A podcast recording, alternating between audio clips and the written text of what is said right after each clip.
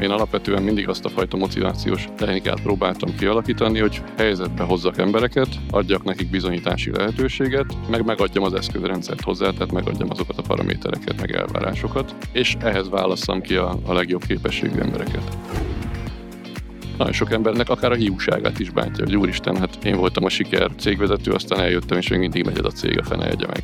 De valószínűleg nem lehet ebbe személyiséget megváltoztatni. Én vagy ilyen alkat vagyok, vagy így szocializálódtam, így lettem nevelve, de nekem mindig automatikus volt, hogy úgy épüljön egy szervezet, abba egyrészt senki nem kizárólagos, senki nem helyettesíthetetlen, de én magamat is beleértve. Mitől lesz egy cég sikeresebb a többinél? Mi kell ahhoz, hogy egy vezető úgy építse fel cégét, hogy az fenntarthatóan működjön, miatt folyamatosan növekedni is képes? Vagy éppen ahhoz, hogy egy vágyott szint elérését követően a vállalkozás magabiztos lábakon álljon, akár nélküle is? Mit és hogyan kell átgondolni, majd folyamatokba ültetni, hogy egy jól működő cégünk legyen? Milyen hozzáállás és gondolkodásmód vezet el mindenhez? A cégépítőkben célunk, hogy magyar vállalkozói történeteken keresztül bemutassuk nektek, ők honnan, hová jutottak el, Szó lesz mindsetről, praktikákról, necces helyzetekről és felemelkedésekről. Beszélgető társaim betekintést engednek, mit és hogyan építettek fel cégükben, milyen folyamatokat és rendszereket fejlesztenek a mai napig. Na és persze, hogy ezeknek milyen eredménye van a vállalkozásukban. Minden részben eltérő témakör, iparág, cégméret és motiváció szerint hívunk meg vendégeket. Olyanokat, akik mondhatni igazi cégépítők. Maradj velünk, és ismerd meg történetük, inspirálódj, tanulj és fejlődj. Én Egerszegi Krisztián vagyok, a Minicérem cégépítője, és ez itt a Cégépítők Podcast.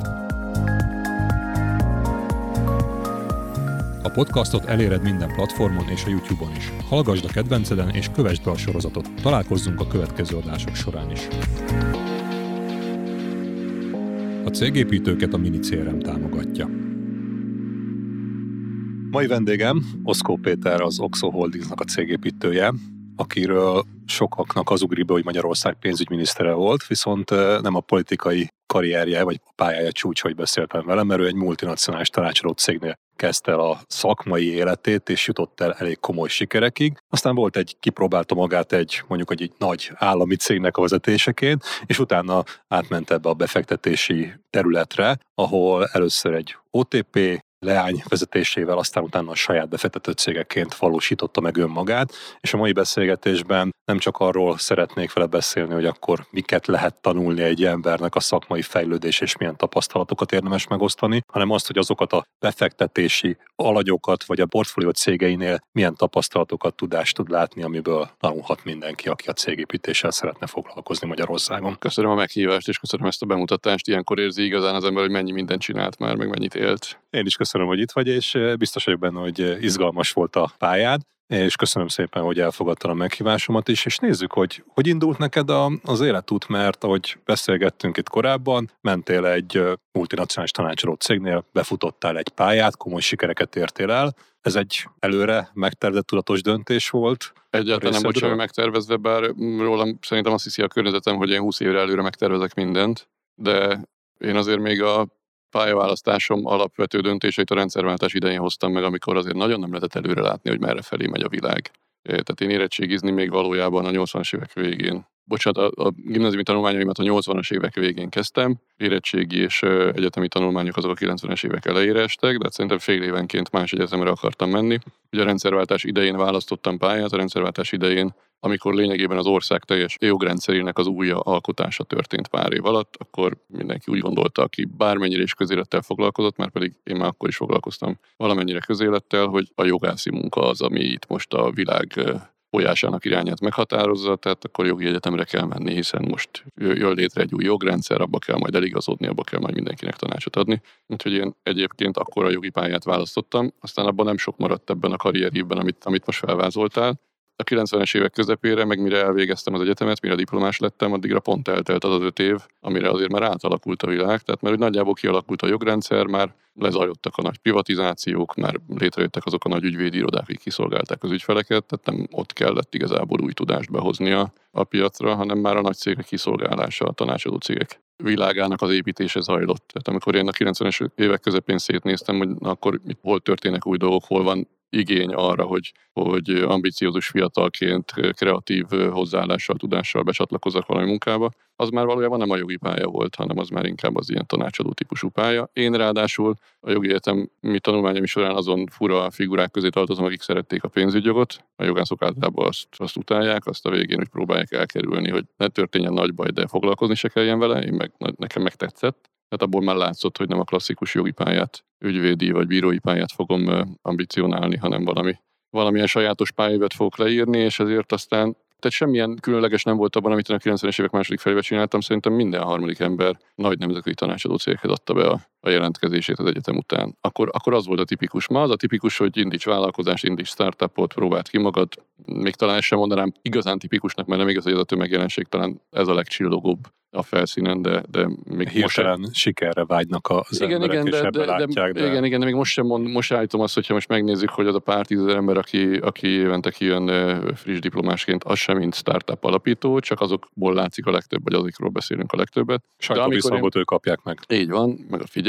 Arról miért lehetne írni, hogy elmegyek egy multinacionális céghez dolgozni, ez egy ilyen... Igen, de amikor én, én végeztem, akkor ez volt tipikus, hogy, hogy nagy Big Four tanácsadó céghez, vagy McKinseyhez, vagy bárkihez ad be az önéletrajzot, és hogyha, hogyha oda bekerülsz, akkor már baj nem érhet, akkor ott, ott előtted van egy karrierpálya, ha jól végzed a munkád, jól teljesítesz, akkor biztos, hogy jól fogsz élni, és hogyha nagyon jól végzed, akkor meg valami csodás karriert fogsz tudni. És te nagyon jól végezted, ugye? Én ezt szeretem úgy fogalmazni, hogy amit tudtam, megtettem, de szerencsém is volt. Tehát azért tényleg akkor kezdtem el ezt a pályát, amikor, amikor nem volt előttem beállt hierarchia. Nem arról volt szó, hogy minden egyes előléptetés csak kihalásos alapon akkor lehetett betölteni, amikor valaki előlem elkerült, hanem alapvetően egy üres pályán lehetett végigszaladni, hogyha az ember elvégezte a feladatait. Tehát automatikusan évente volt előléptetés, én nekem volt olyan amikor duplát léptem, mert hogy egyszerűen szükség volt szenior emberre, és azt mondták, hogy akkor bedobnak a mély vízbe csináljam, és azáltal, hogy meg tudtam csinálni, egy viszonylag gyors karriert tudtam elérni, és hát ebbe a nemzetközi tanácsadói világba, ez még amerikai filmekben is visszaköszön, az ilyen álomszerű célkitűzés a, a partneri, a cégtársi pozíció, tehát hogy vegyenek be cégtársnak, mert akkor ugye kvázi már tulajdonos társ vagy, és akkor, akkor már nem csak egy kiszolgáltatott alkalmazott vagy, hanem szinte már tiéd legalább részben a cég. Ezt nekem 7 év alatt sikerült elérni, ami általában egy álomszerű célkitűzés, és ez alatt a 7 év alatt, vagy a 7 év végén tapasztaltam meg, hogy egy cégbe cégtársnak lenni, ahol még van rajtam kívül 150 cégtárs, az egyébként nyilván nem egy rossz pozíció anyagilag, meg tényleg valamiféle álom megvalósulását érezheti az ember, de aztán ugyanúgy úgy érzi, hogy egy 150 fős székbe széktársnak lenni azért az egy kötött pálya. Tehát, hogy ott nem, nem, nem, egy, nem egy egyéni önmegvalósítást végez az ember, hanem ugyanúgy egy nagy rendszer részeként végzi a feladatait. És ez a magyar cégben volt az 150 cégtárs? Nem, nem, a, a, nemzetközileg? Vagy? Igen, igen, ez egy, ez egy régiós, tehát a közép-kelet-európai régió összes országára terjedt ki. A, ez konkrétan ugye a Deloitte volt, a, én ott váltam partneré annak a cégnek a teljes cégcsoportja, és akkor aki cégtárs volt, az nem csak a magyarországi cégben, hanem a teljes közép-kelet-európai régió cégcsoportjában szerzett egy nyilván töredék részesedést. De legalább egy ilyen munkerő megtartó és motiváló célja gondolom meg volt ennek az egésznek. Persze, hát ez a... a, a előre, és igen, a, magadévá érez. Így van, tehát a, a, a, kezdő pozíciótól folyamatosan érvényesül, mert hát nyilván az a azért kétségtelen más a helyzet, amikor valaki nem fizetésért és éves bónuszért dolgozik, hanem nyereségrészesedésért. De cégtársként az az érzésed egy 150 fős partnershipben nincs meg, hogy te érdemi befolyást gyakorolsz arra, hogy mit csinál a cég, és a te szabadatoddal el tudod dönteni, hogy mi a stratégia, és kivezesse a céget, és többi, stb. Ezek mindig közös döntések, egy ekkora cégnél már megvan a maga belső politikai élet, a belső közélete a cégnek, de az anyagi részesedésben a tulajdonosi státusz az mégiscsak egy, egy meglehetősen előnyös státusz. Az azt jelenti, hogy a teljes cég nyereségességéből te a saját részesedésed arányában tudsz részesülni, ami azt jelenti, hogy magában saját bőrén érzi az ember, hogyha profitábilis a cég, és egyébként abban az időszakban, ez ugye pont a globális pénzügyi válság előtti néhány év volt, amikor én már cégtársként, tulajdonostársként végeztem a tevékenységemet, ebben a régióban kifejezetten nyereségesek voltak ezek a cégek. Tehát volt azért valamennyi rálátás, összehasonlítás, hogy mondjuk nem tudom, Benelux országokban egy partnernek körülbelül mennyi a nyereség részesedése, és az lényegesen alacsonyabb volt, mint egyébként itt a közép-kelet-európai régióban érdekes módon, akkor itt egy nagyon erős nyereségességet tudtak tartani ezek a cégek. És egyébként az a vállalkozói gondolkodásmódot, akkor ezt így direkt hozták is be ezzel a módszerrel, mert ha jól értem, itt nem arról szólt, hogy voltál egy, az elején lehet, de utána később, amikor már partneri szinten vagy, akkor kvázi ezért a cégért úgy felelsz, nem is a stratégiai döntésekbe, de a hatékonyság növelésében, mintha mondjuk a saját cégedet vezetnéd, és azért próbálod folyamatosan eredményesebbé tenni. Nem az csak, hogy belősz a jóba, és akkor majd a Ez így van. céggel. Nyilván, aki a, aki a stabilitás, biztonságot szereti, és a kockázatvállalást kevésbé szívleli, az nem feltétlenül érzi jól magát egy ilyen pozícióban, mert azért egy ilyen cégtársi státusz az azt jelenti, hogy el is várják a teljesítményt az embertől. Tehát minden tulajdonostárs az megnézi, hogy a többi tulajdonostárs mit csinál, azért hozza ő is egy bevételt, és azon osztozkozon, ami, amihez ő is hozzájárult. És nyilván nincs azonnali visszacsatolás, de mondjuk valaki három-négy évig nem teljesít, akkor utána azért annak meg lehet a következménye. Negatív is. Így van, tehát ez, ez egy kockázatvállalás is, hogyha valaki azt mondja, hogy én szeretnék a közös nyereségből részesedni, de a közös nyerességhez hozzá is kell járulni értelemszerűen. Ebbe a pozícióban nem nem él túl sokáig, aki, aki mondjuk úgy azt gondolja, hogy pár évig ő elébe szól, és inkább nem csinál semmit, csak élvezi a közös előnyöket. Még egy alacsonyabb pozícióban nyilván lehet kényelmesebben dolgozni, lehet azt mondani, hogy én ezért a fizetésére ennyit teljesítek, ezt, ezt tudom hozni, ezt tudom vállalni. Tehát ez, ez valóban egy, egy kockázatvállalást, egy vállalkozói szemléletet beültet az emberbe. De azért azt látni kell, hogy emellett megtanít együttműködni is.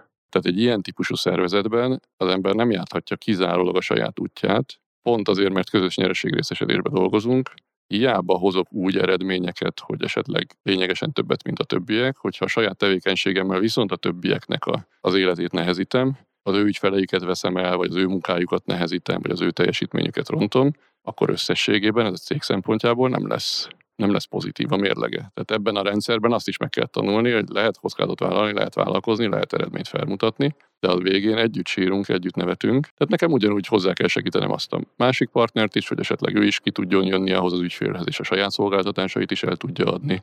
Vagy ugyanúgy érdekem van megtanítani bizonyos dolgokra, átadni neki bizonyos tudást, átadni neki bizonyos tapasztalatokat. Tehát, hogy ez, ez nem csak az egyéni vállalkozásra tanította meg az embert, hanem azt, hogy a hogy a vállalkozói sikerekhez, az üzleti sikerekhez ahhoz kockázatvállalás és együttműködési képesség, készség és hajlandóság is kell. Mert amit most mondtál, abból ugye az egy fontos dolog talán, hogy egyéni vállalkozás vagy társas vállalkozás, és ha te nagyot akarsz építeni, hogy nem csak egy saját magadnak akarsz munkahelyet teremteni, akkor ott ugye az életben is így lesz, nem csak egy ekkora multinacionális cégnél, de egy kisebb cégnél is, ami többen vagyunk, ahol több érdek ütközik, több embernek kell együttműködnie, hogy többet tudjunk kihozni ebből, mint mondjuk egy egyéni teljesítmény. Igen, sőt azt látom, én azt tapasztaltam az életem során, hogy minél magasabb kockázatú tevékenységet végez az ember, minél nagyobb rizikót vállal, annál inkább elemi érdeke együttműködni, és több szereplővel megosztani ezt a rizikót, és több szereplővel együtt próbálni kezelni a kockázatokat. Ez különösen igaz arra a területre, amit most mi csinálunk, tehát az a, az a fajta magas kockázatú befektetési tevékenység, amit mi végzünk.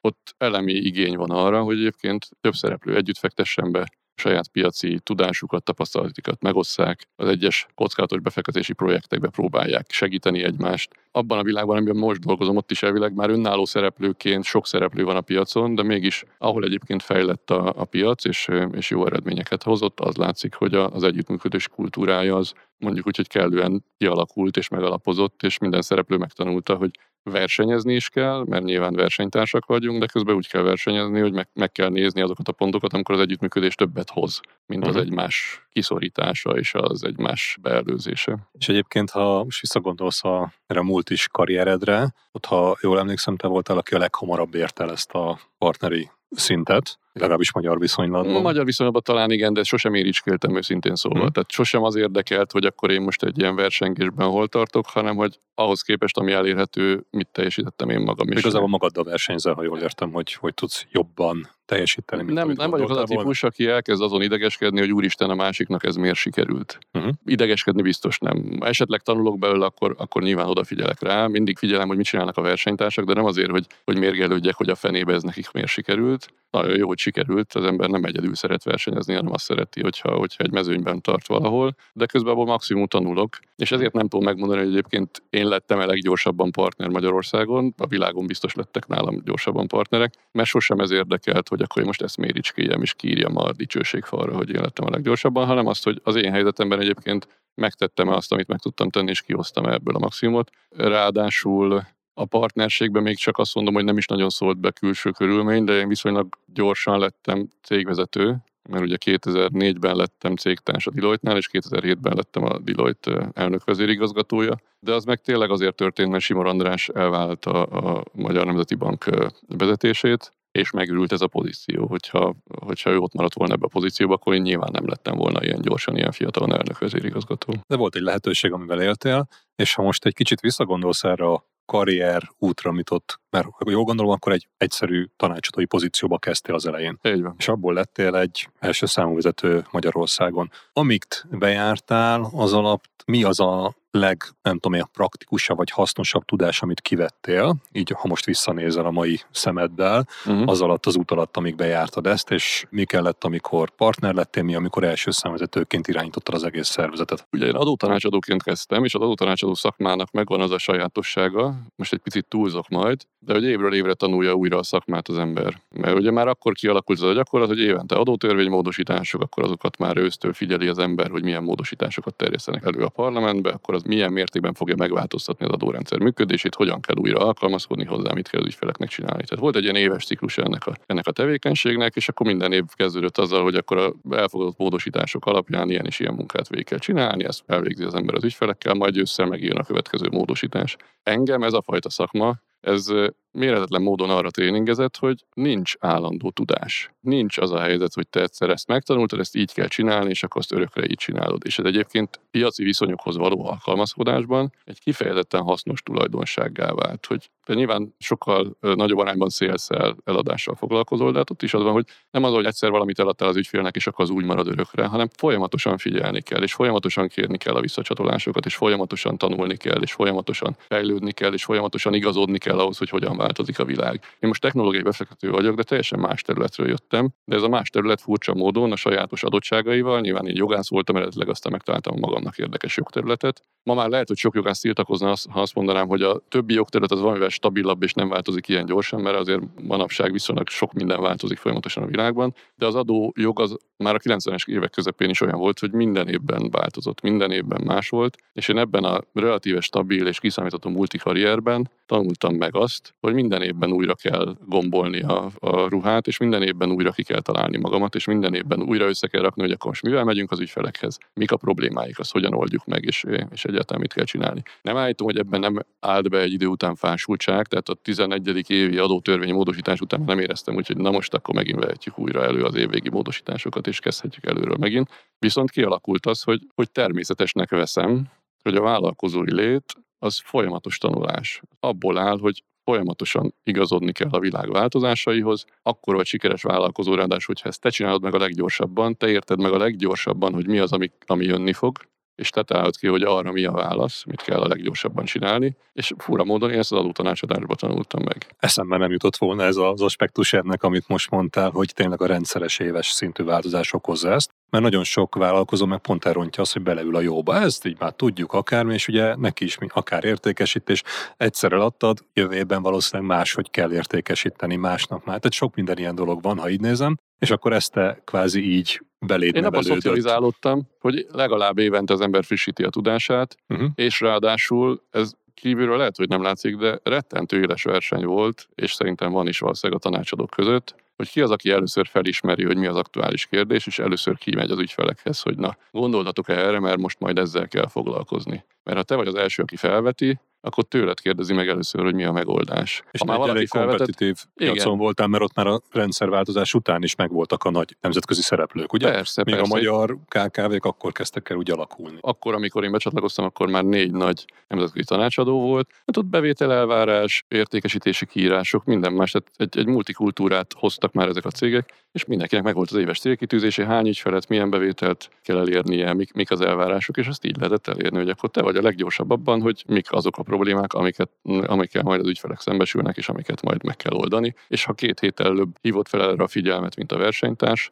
akkor már te vagy pozícióban tőled fog tanácsot kérni. Ha csak nem rossz az a tanács, amit adtál, mert akkor meg nyilván menekülni fog tőled, és majd megkérdezi a versenytársaidat. És mondhatjuk azt, hogy akkor a multi egyetemet is elvégezted, és a szakmai alaptudás mellé itt behoztad ezt az üzleti tudást, ami egyébként unikális volt, mert igazából nem nagyon volt elérhető máshol ilyen képzés Magyarországon abban az időben. Igen, hát az, hogy a multi tanácsadó cégek azok egy rettentő jó szakmai iskolát adnak, az még ma is igaz, azt gondolom. Tehát ha valaki vállalkozó, akkor mindig végig bugdácsol a saját útján, rengeteget tanul, valószínűleg nagyon egyedi tapasztalatokra tesz szert, de egy mindent a saját hibájából kell megtanulnia.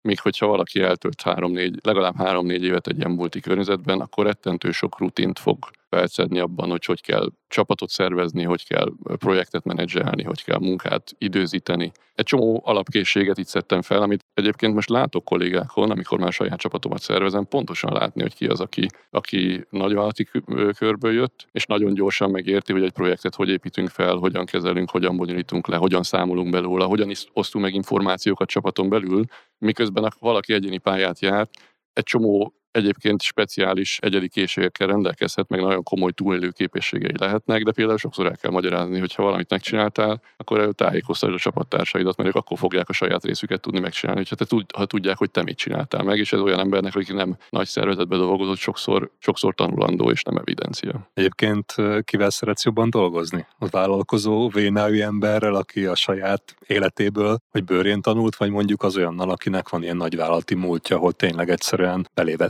verték, vagy belé nevelték ezeket a működési technikákat. Heterogén csapatokban hiszek. Tehát én azt gondolom, hogy az a, az a csapat működik jól, ahol különbözőek a készségek, nyilván egymást kiegészítőek és egymásra építhetőek, meg megvan az a hasonlóság az emberekben, hogy legalább egy nyelvet beszélnek és értik, amit a másik mond de alapvetően szerintem nem ugyanolyan típusú emberekből kell összerakni egy csapatot. Én bízom abban, hogy azért sok mindent csináltam már az, az életemben, hogy minden, mindenkit megértek, tehát mindenkinek a képességeit fel tudom mérni, és mindenkit a helyére tudok rakni, sőt egyébként a karrierem során talán ebben volt, ez volt az egyik erősségem, hogy, hogy mindig a megfelelő helyekre tudtam irányítani az embereket, és ezzel egyébként sokszor többet tudtam kihozni a adott csapatból, mint amit egyébként azelőtt teljesítettek de egy csapatba kell, a, kell az empatikus megértő szereplő, kell a probléma felismerő, kell a probléma megoldó, kell a kreatív, aki minden nap más jöttettel jön elő, de kell az is, aki azt mondja, hogy jó, akkor ezt most ilyen rendszerbe így fogjuk végrehajtani, és így jutunk el az eredményig. Ezek mind ö, létező karakterek, akik egy sikeres, jól működő csapatban mind szükség van rájuk. Mondtad, hogy adó tanácsadóként kezdted, vagy adó szakértőként kezdted. Az nem ilyen tudást feltételez, legalábbis az én olvasatomban, amiket elmondta, hogy hogy kell csapatot építeni, meg hogy kell embereket vezetni. Ezt itt menet közben a multinál tanultad, vagy tudatosan képezted magad abba, hogy amikor léptél elő és vezetői pozícióba kerültél, hogy például a csapatot hogy kell építeni, hogy kell vezetni? Mind a kettő igaz. Egy multicég erre tréningel, vagy erre tréningez. Tehát ott az az elvárás, hogy ha értesz a szakmádhoz, de előre akarsz lépni, akkor egy idő után képez csapatot, aki ért a szakmához. Tehát ne csak te legyél jó tanácsadó, hanem képez magad köré három jó tanácsadót, és akkor már is sokkal többet tudtok a piacon elérni. Tehát ott ez a, a karrierpályában benne van, hogy neked meg kell tanulnod, hogy hogy kell embereket felvenni, hogy kell őket insulálni, hogy kell munkát kiadni, számon kérni, hogy kell éves értékeléseket, éves célkitűzéseket csinálni. Ezek mind olyan rutinok egy multi működésében, amit hogyha valaki saját vállalkozást épít fel, és nem szerzi be valahonnan ezt a tudást, akkor búdácsolva kell megtanulnia, hogy hát az embereit azért képezni kell, mert maguktól nem fogják tudni, amit elvár tőlük, meg nem árt, hogyha elmondja nekik, hogy mi az, amit a következő fél évben évben vár tőlük, és akkor lehet azt majd visszamérni és értékelni, és, és esetleg premizálni is. Ez egy multicégnél, ez a know-how, ez a meglévő tudás része, tehát erre kiképeznek, megtanítanak, és mondom, az is az elvárás, hogy egy idő után foglalkozz ugyan a szakmáddal, de ha annyira jó vagy benne, akkor taníts meg másokat is rá, és, és már egy csapatot irányíts egy idő után. És nincsenek ilyenek, hogy mondjuk te nem akarsz csapattal foglalkozni, de. hanem csak a szakértői szerepkört de, de, de, akarod vannak... megoldani, és nem akarsz fejlődni. Igen, de vannak olyan emberek, akik, akik egy középvezetői pozícióban ragadnak meg. Nagyon az alján a hierarchián nem ragad meg senki, mert az azt jelenti, hogy nem ez a tevékenység való neki, és egy tanácsadói cégnél eltöltött néhány évvel egyébként rengeteg helyre el lehet menni. Tehát az olyan tapasztalat, amit nagyon sok más cég értékel, és, és szívesen felvesz, és akkor valaki csak az adott szakterülettel akar foglalkozni, akkor egy idő után nem egy nagy cégnek a, a adótanácsadó részlegét vezeti, hanem elmegy egy teljesen más területen dolgozó céggel a belső adó problémákkal foglalkozni, és akkor ő maradhat szakértő, mert neki nem kell céget vezetni, neki nem kell menedzsmenttel foglalkozni, ő csak adókérdésekkel foglalkozik egy valamilyen iparágban dolgozó cégnél. Ez elég tipikus egyébként.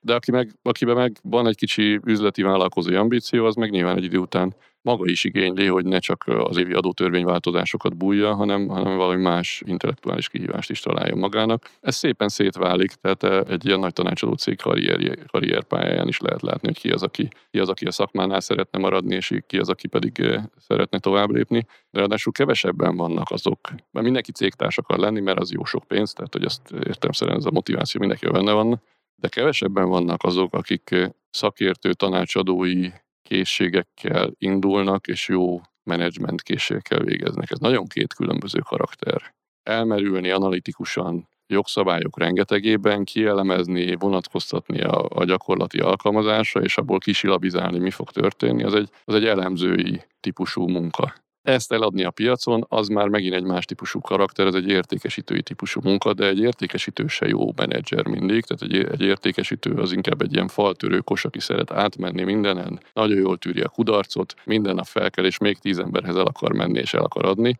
de egy menedzsment feladat az nem csak ebből áll, ott nem csak falakat törsz át, hanem néha meg visszaépíted a falakat, meg, meg rendszereket alakítasz ki, meg egy picit más típusú gondolkodást is jelent. Tehát az, hogy valaki szakértőből sikeres piaci ismert adótanácsadóvá válik, majd utána egyébként menedzsment pozíciókat kezd betölteni, az inkább kivétel, mint sem szabályszerű, mert nagyon különböző személyiségjegyeket igényel, és ez pont az kell, hogy, hogy valaki abban legyen jó, hogy jól viseli a változásokat, sőt igényli a változásokat, és, és mindig más szeressen csinálni. Viszont benned, ha jól értem, akkor ez megvolt erre én, az igény, vagy ez alakult én abszolút, én, tehát, hogyha van függőségem, van addikcióm, az a, az a változásokkal kapcsolatos. Tehát én a monotonitást tűröm nagyon rosszul. Azt azt hiszem a, a multikarrierem végét az is jelentette, hogy én már ott az egész rendszerben úgy éreztem, hogy túlságosan monoton, túlságosan változatlan, túlságosan üzemeltetésszerű a feladat, és elfogytak az építési jellegű feladatok, és azért is éreztem úgy, hogy onnan nekem tovább kell lépni, mert, mert amíg egy cég az piacot szerez, piacot épít, új részlegeket indít, új csapatokat épít fel, addig van ilyen építési jellegű feladat, de hogyha elért egy bizonyos fejlettségi szintet, akkor a magamfajta emberek azok, meg akár még ártani is tudnak azzal, hogy minden évben újra akarják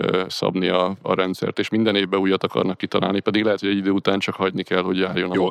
Igen, igen, járjon a motor, és az meg egy más típusú vezetői karaktert igényel. Én ezt szerintem időben felismertem, sok mindenre elkezdtem foglalkozni, és ezáltal meg is találtak kihívások, de pont ez a fajta karakterem, ami ez a, ez a változás igénylése és az abban való képességek kibontakoztatásának az igénylése, amit én szeretek csinálni, az, az egy idő után egy ilyen multikörnyezetben már elérte a határait. Ha kérdeztek egy olyat tőled, hogyha mondjuk abban az időben, amikor te a multinál dolgoztál, ugye azért voltak magyarországi nagyvállalatok is, mm. ami így multival összemérhető, akár árbevételben, akár létszámban, és itt mondtad, hogy nagyon jó volt a struktúra, meg a, ez az előremeneteli rendszer, képzési rendszer, viszont kérdés egy ilyen magyar tulajdonú cégnél, most nem uh-huh. a cég a lényeg, hogy általánosan, és most is van rengeteg ilyen, ott is megvan ez a jól kialakított belső rendszer, előreléptetési rendszer, nagyon sokszor lehet hallani, hogy 50 év után elmegy valaki nyugdíjba az első munkahelyéről, uh-huh és amit nem mondtál, az itt totál más De az iparág is válogatja. Igen, tehát hogy amit én csináltam, az, egy, az a tanácsadó iparág, ott ez, ez a folyamatos állandó változás, előlépés, ez természetes. Egyszerűen a,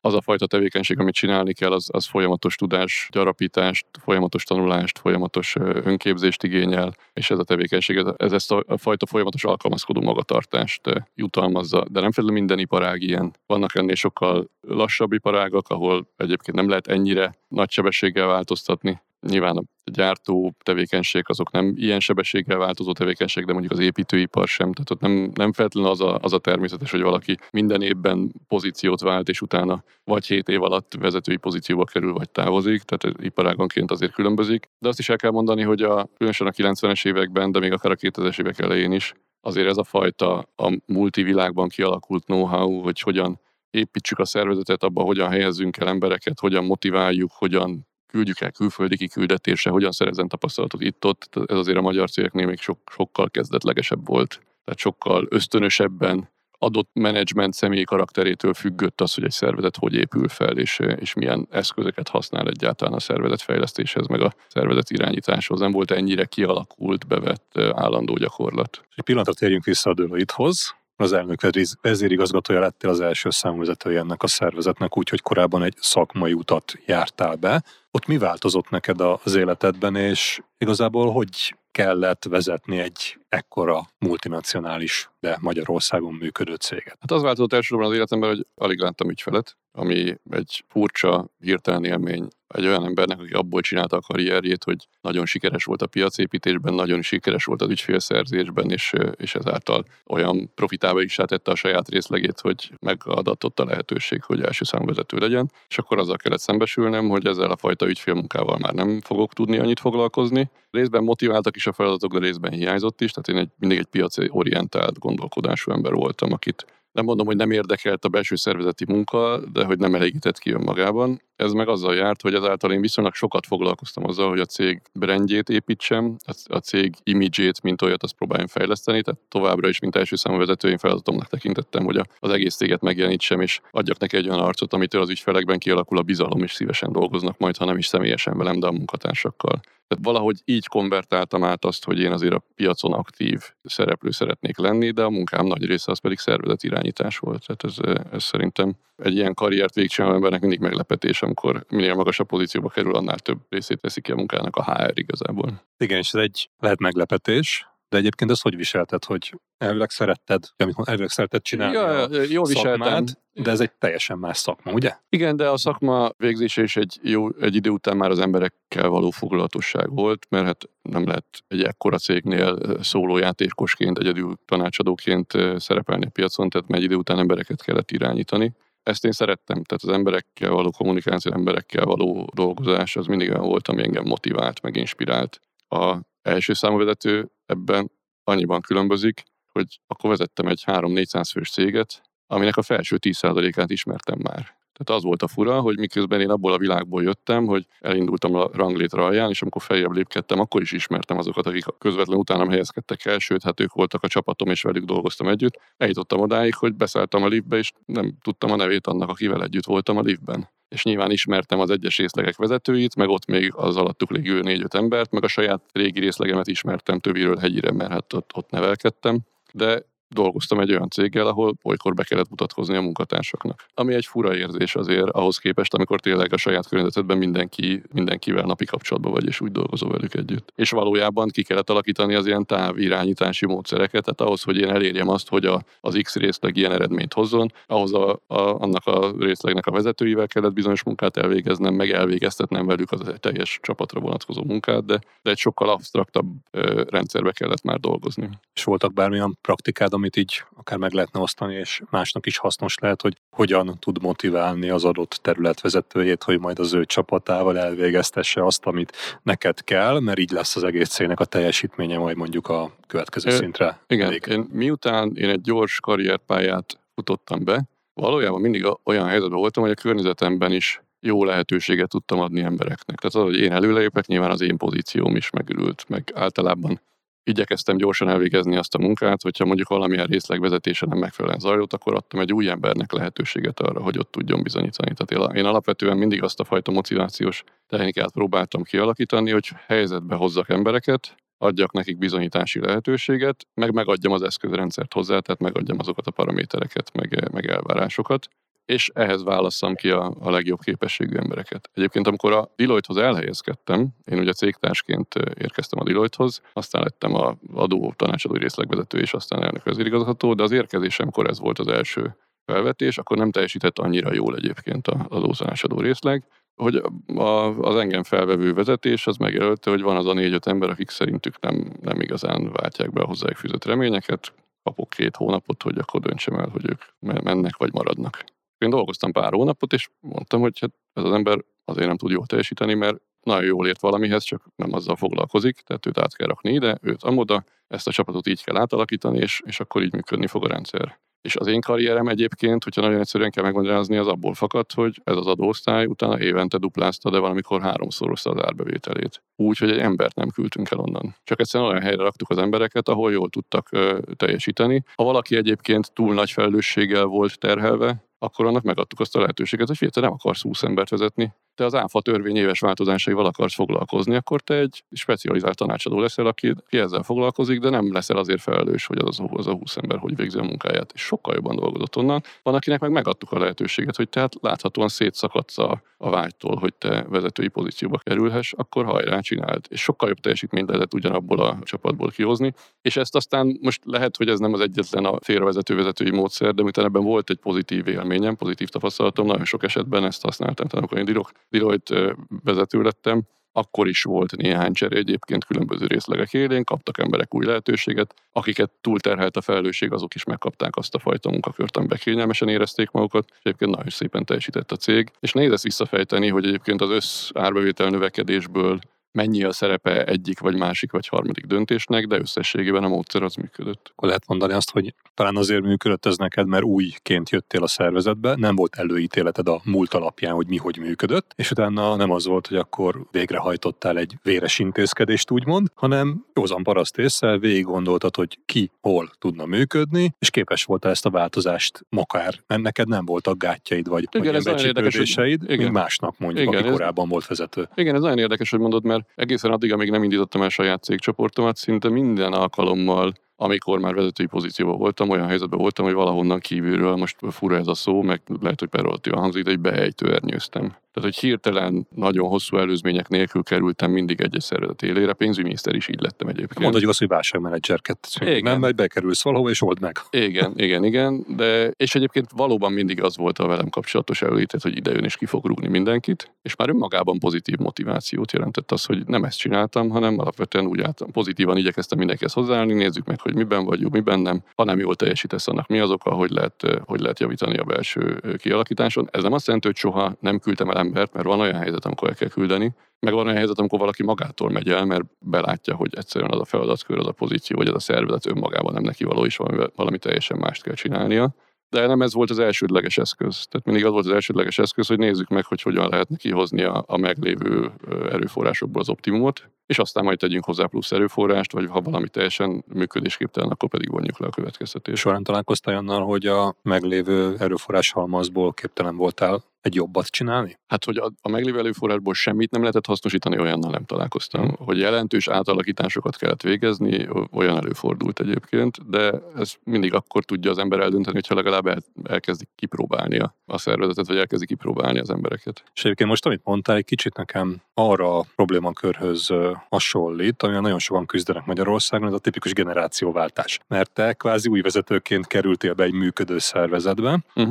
és utána neked el kellett gondolom fogadtatnod magad a tulajdonosi körrel, és ő nekik meg el kellett fogadni, hogy te jó leszel oda. Viszont a másik, amit mondtál, ami még szerintem úgy általában nem szokott előtérbe kerülni sehol, hogyha te előre lépsz, ugye ilyen is volt többször, akkor úgy léptél előre, hogy kiképezted az utódodat, és akkor azt kvázi pozícióra helyezted a te előrelépéseddel együtt az utódodat. És egy magyar tipikus ilyen generációváltás, meg ilyen néhány generációs cégnél ez nem jellemző. Egy multinál meg lehet, hogy ez Igen, de igen, valószínűleg, az, valószínűleg az is segített nekem, hogy egy multinál ez, ez megint a rendszer része. Tehát az előéptetések része az, hogy te léphetsz előre, de azt is ki kell találni, hogy kikerül a te helyedre. Tehát nem csak az, hogy Tehát ez be, be van égetve, igen, de ez be van égetve a gondolkodásba. A, a hazai vállalkozói szféra meg azért nagyrészt még mindig az, az ilyen self-made típusú, valamiben tehetséges, valamiért jól működő személyiségekből áll, akiknek ez a fajta rutinszerű vállalati tapasztalata nem volt meg, és egyébként nem könnyű. Az emberek nagy része azért alapvetően önmegvalósít, amikor vállalkozik,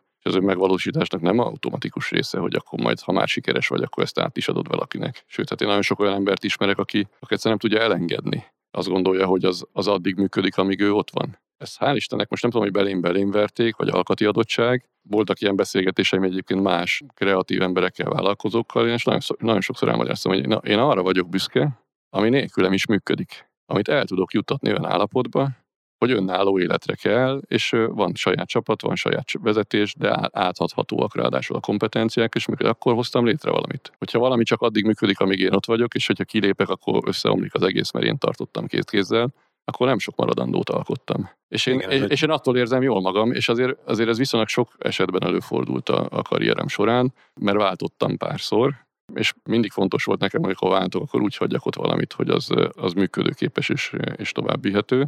És mondom, mindig így éreztem magam sikeresnek, és nem úgy, hogyha, hogyha kilépek valahonnan, akkor az nélkülem már nem is működik. Nagyon sok embernek akár a hiúságát is bántja, hogy úristen, hát én voltam a siker cégvezető, aztán eljöttem, és még mindig megy ez a cég, a fene egye meg. Igen, ez egy gondolkodásmód. Pont fordítva, de hát, és mondom, sok emberrel volt erről vitám, hogy hát érezd akkor, hogy létrehoztál valamit, amikor, amikor azt látod, hogy kiléptél, és, és még mindig létezik. Ak- Akkor alkottál valamit, addig csak te voltál, és, és nem sikerült magad köré semmi maradandót építeni. De valószínűleg nem lehet ebbe személyiséget megváltoztatni. Én vagy ilyen alkat vagyok, vagy így szocializálódtam, így lettem nevelve, de nekem mindig automatikus volt, hogy úgy épüljön egy szervezet, hogy abba egyrészt senki nem kizárólagos, senki nem helyettesíthetetlen, de én magamat is beleértve. És azért a Deloitte-tól való távozásom sem volt tervezett, hiszen az, hogy felkérnek pénzügyminiszternek, az, az nem volt egy előre tervezett folyamat. De mondjuk amikor például később már a, a befektetői karrierem során született meg az a döntés, hogy én eljövök a portfólióntól, is egy viszonylag hirtelen döntés volt, és ott is mégis, amit, ami hátra maradt, az egy gyönyörűen működő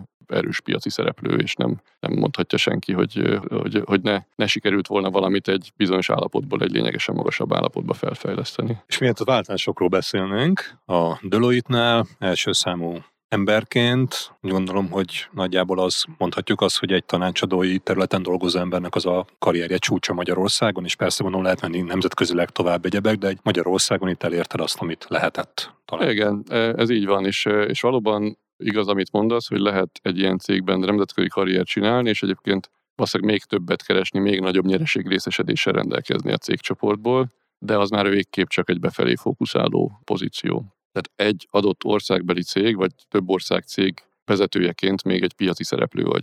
Tehát akkor még jelen vagy a piacon, kapcsolódva vagy más iparágakkal, kapcsolódva vagy más szereplőkkel, része vagy az üzleti élet körforgásnak. Ha ehhez képest fellépsz egy ilyen régióvezető vagy, vagy hasonló pozícióba, akkor gyakorlatilag egy nagyon nagy ember leszel a cégen belül, de kiléptél abból a, abból a világból, ahol egyébként a teljes vállalkozói környezetet ismered és kapcsolódva vagy vele, és egy ilyen belső multivilágba építheted tovább a karrieredet, ebbe én semmi vonzót nem találtam soha. Az, hogy én, én gyakorlatilag kilépjek a, a teljes üzleti életből, és beszorítsam magam egy ilyen teljesen egyirányú karrierpályába, pláne úgy, hogy én elmondtam, hogy engem a, a változás, a változatosság, a, a folyamatos tanulás és alkalmazkodás lehetősége motivál, ez pedig egy ilyen, ez, ez igazi egy ilyen, egy ilyen robotkarrier lett volna. Ez még mielőtt egyáltalán adódott volna lehetőség, hogy valamit más csináljak, én már éreztem, hogy ez nem nekem való. Valószínűleg ez is motivált abban, hogy, hogy azért aktív maradjak a piacon, és megtartsam a kapcsolataimat, és folyamatosan bizonyítsam a hozzáértésemet. Egy idő után azt jelentett, hogy nem csak adókérdésekről beszéltem, hanem általában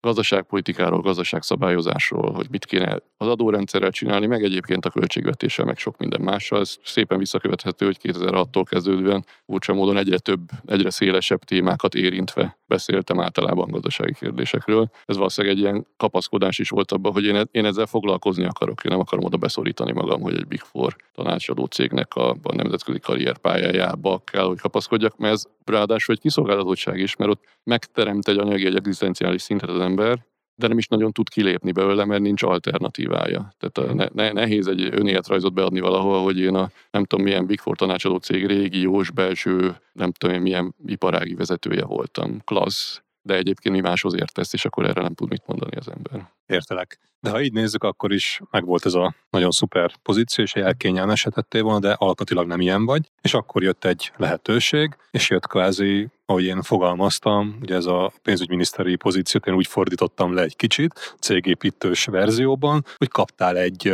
nagy állami céget, aminek az élére kerültél vezetőnek. Hát és egy csomó egész... felelősséggel e, együtt gondolom. Hát sőt, miután pénzügyminiszter voltam, az egész költségvetés és az államháztartást a globális pénzügyi válság időszakában. a legnagyobb magyar céget vezetted akkor, mert ez Magyarország, ugye? Ha e, igen, ráadásul egy olyan helyzetben, amikor éppen nem a legjobb állapotban volt, ugye akkor ráadásul éppen nem is volt különösen stabil az államadóság finanszírozása. Miért vállaltad ezt el? Ez motivált? Vagy valami újdonságot adott? Vagy? Az, az fontos, amit mondtál, de nyilván a kihívás az, az egy alapvető motiváció volt. Azért én úgy vállaltam el, hogy ahogy az előbb elmondtam, már évek óta foglalkoztam azzal, mindenféle szakmai tanácsadói szövetség részeként, aztán a végén már a válság alatt a reformszövetség részeként, hogy folyamatosan beszéltem arról, hogy mit kéne a gazdaságpolitikába csinálni.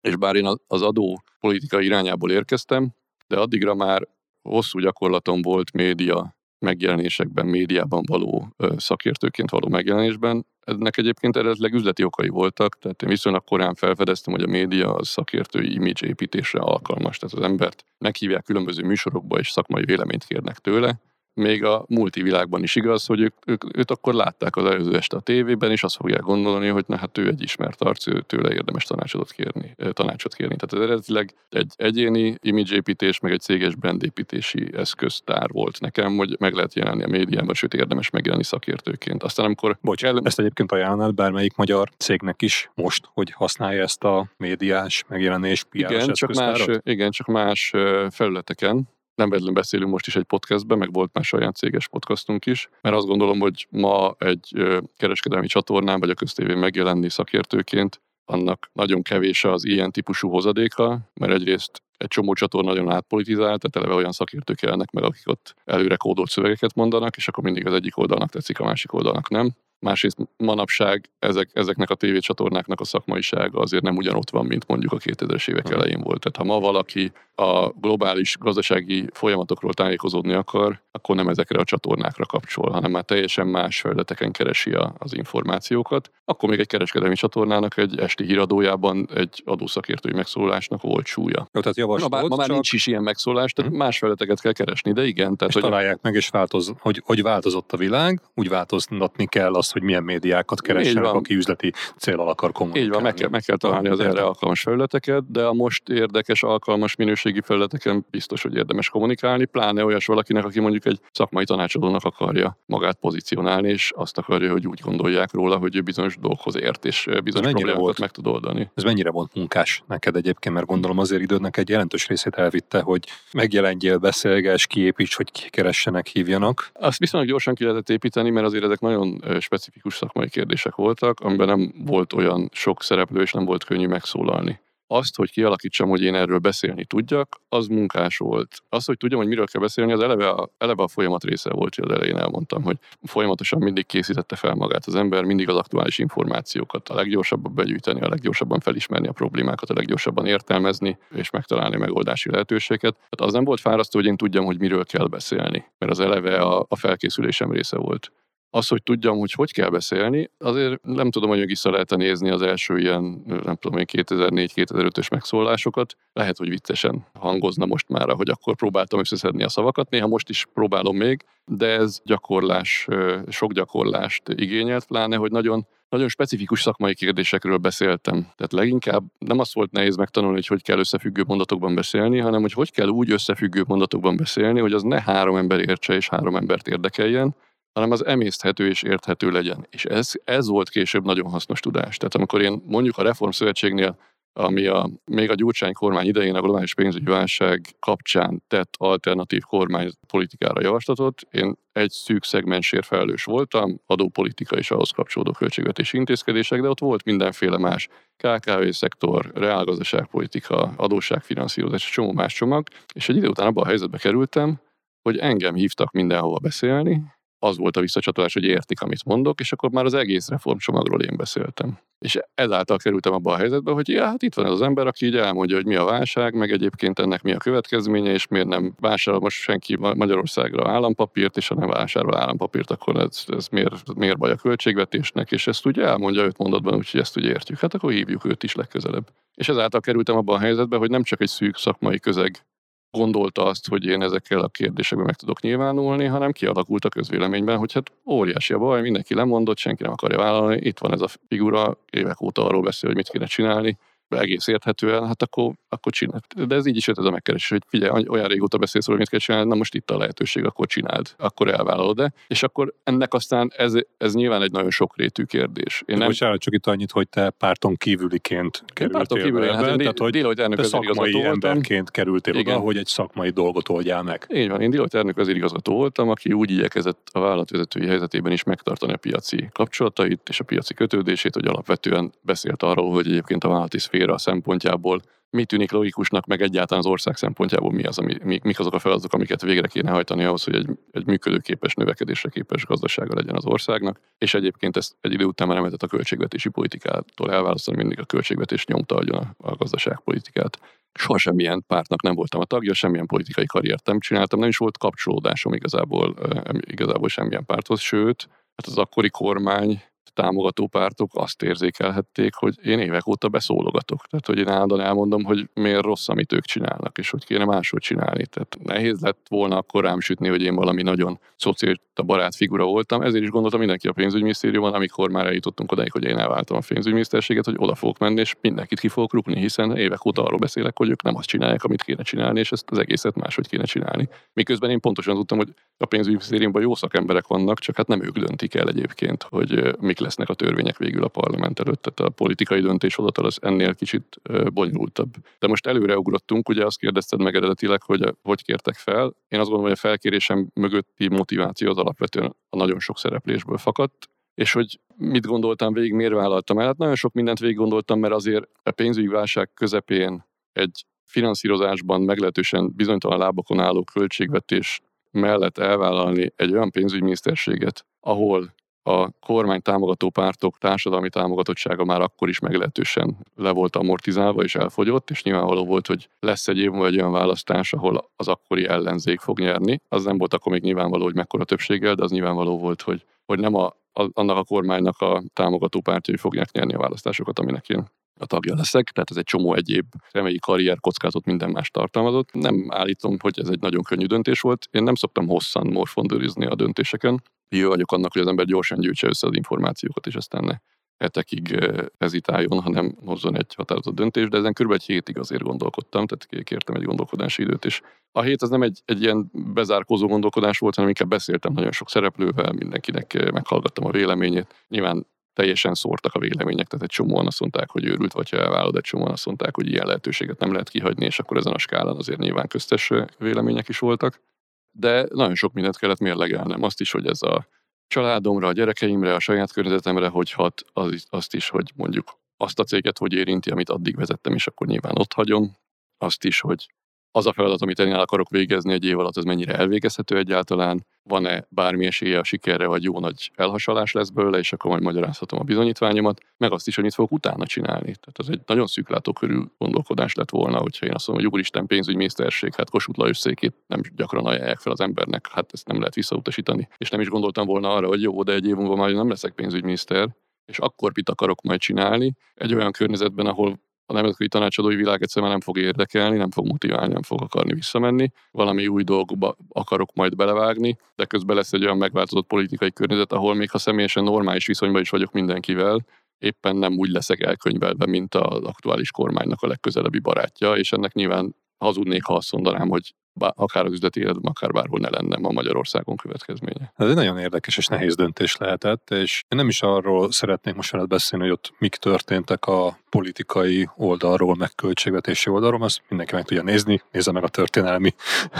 híradásokat. Viszont amikor te elvállaltad ezt a megbízást, és átvetted a pénzügyminisztériumnak a vezetését, akkor azt lehet az a összehasonlítás helytáll, amit mondtam, hogy egy, egy viszonylag egy nagy, komplex cégnek a vezetését vetted Persze, át. egy óriási szervezetnek a vezetését és vettem át, óriási mint? felelősséggel, de hát addigra én már rendelkeztem némi cégvezetői tapasztalattal, tehát én pont azt csináltam, amit egyébként ilyen módon vezetőként csináltam, megérkeztem abba a szervezetbe, és leültem a szervezet belső vezetőivel, a államtitkárokkal, szakállamtitkárokkal, vagy akkor még helyettes államtitkárnak hívták őket, illetve ott volt pont egy névváltoztatás, mindenkit kifaggattam a saját területe állapotáról, lehetőségeiről, terveiről, meg a saját személyes helyzetéről, ambícióiról. És tudom, utólag visszamondták, hogy mindenki azt gondolta, hogy amikor én behívom beszélgetni, akkor az arról szól, hogy akkor lehet csomagolni és viszontlátásra, és mindenki meglepődve ment ki, hogy nem, mit arról beszélgettünk, hogy akkor mit kell csinálni, mik a feladatok, hogyan kell tovább menni, miket várok kitől, és,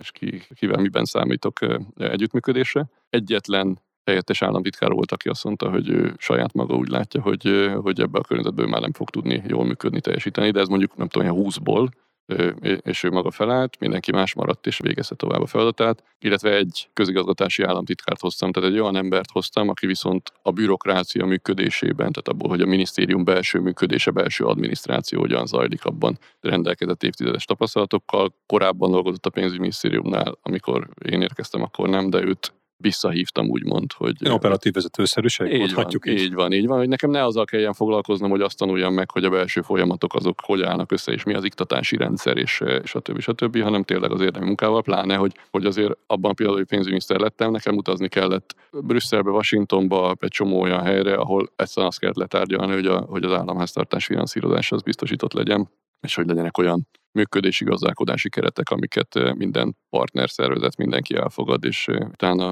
abban tudunk is tovább gazdálkodni, és aztán utána a költségvetési törvénycsomag, adótörvénycsomag, majd ugye én április végén lettem miniszter, és akkor júniusban már eljutottunk odáig, hogy akkor már deviza kötvény kibocsátást csináltunk, tehát visszamerészkedtünk a nemzetközi pénzpiacokra, és azt mondtuk, hogy most már megmérettetjük magunkat, most már azt várjuk a befektetőktől, hogy elhiggyék, hogy ez újra egy normálisan, stabilan működő ország, és lejegyzik a, az euró alapú devizakötvényeket, és, és kétszeresen, háromszorosan túl is jegyezték addigra egyébként. Szuper, na ez utólag is így gratulálok. És egyébként, ha most meg kéne nézni, azt, hogy kvázi egy ilyen állami cégnek a vezetése, versus a Deloitte-os nemzetközi tanácsadó cégnek a vezetése között vannak párhuzamok, vagy ez egy teljesen más világ volt? Mert ha jól értem, itt is kellett kommunikálnod, most ott brandet építettél más, más kifelé, kultúrája. mondjuk Igen. politikai kommunikációt folytatni. Más a kultúrája, de különböző cégeknek is van kulturális eltérése, kulturális különbsége. A szervezet irányítás feladata az, az jelentős részt átfed. Tehát az, hogy én a egyes részlegek vezetőivel kommunikálok, ott egyeztetjük le a feladatot, ott zajlik lényegében az érdemi munka és feladat meghatározás, és aztán azok lecsorognak a rendszerbe, ez szinte ugyanígy volt a két szervezetben.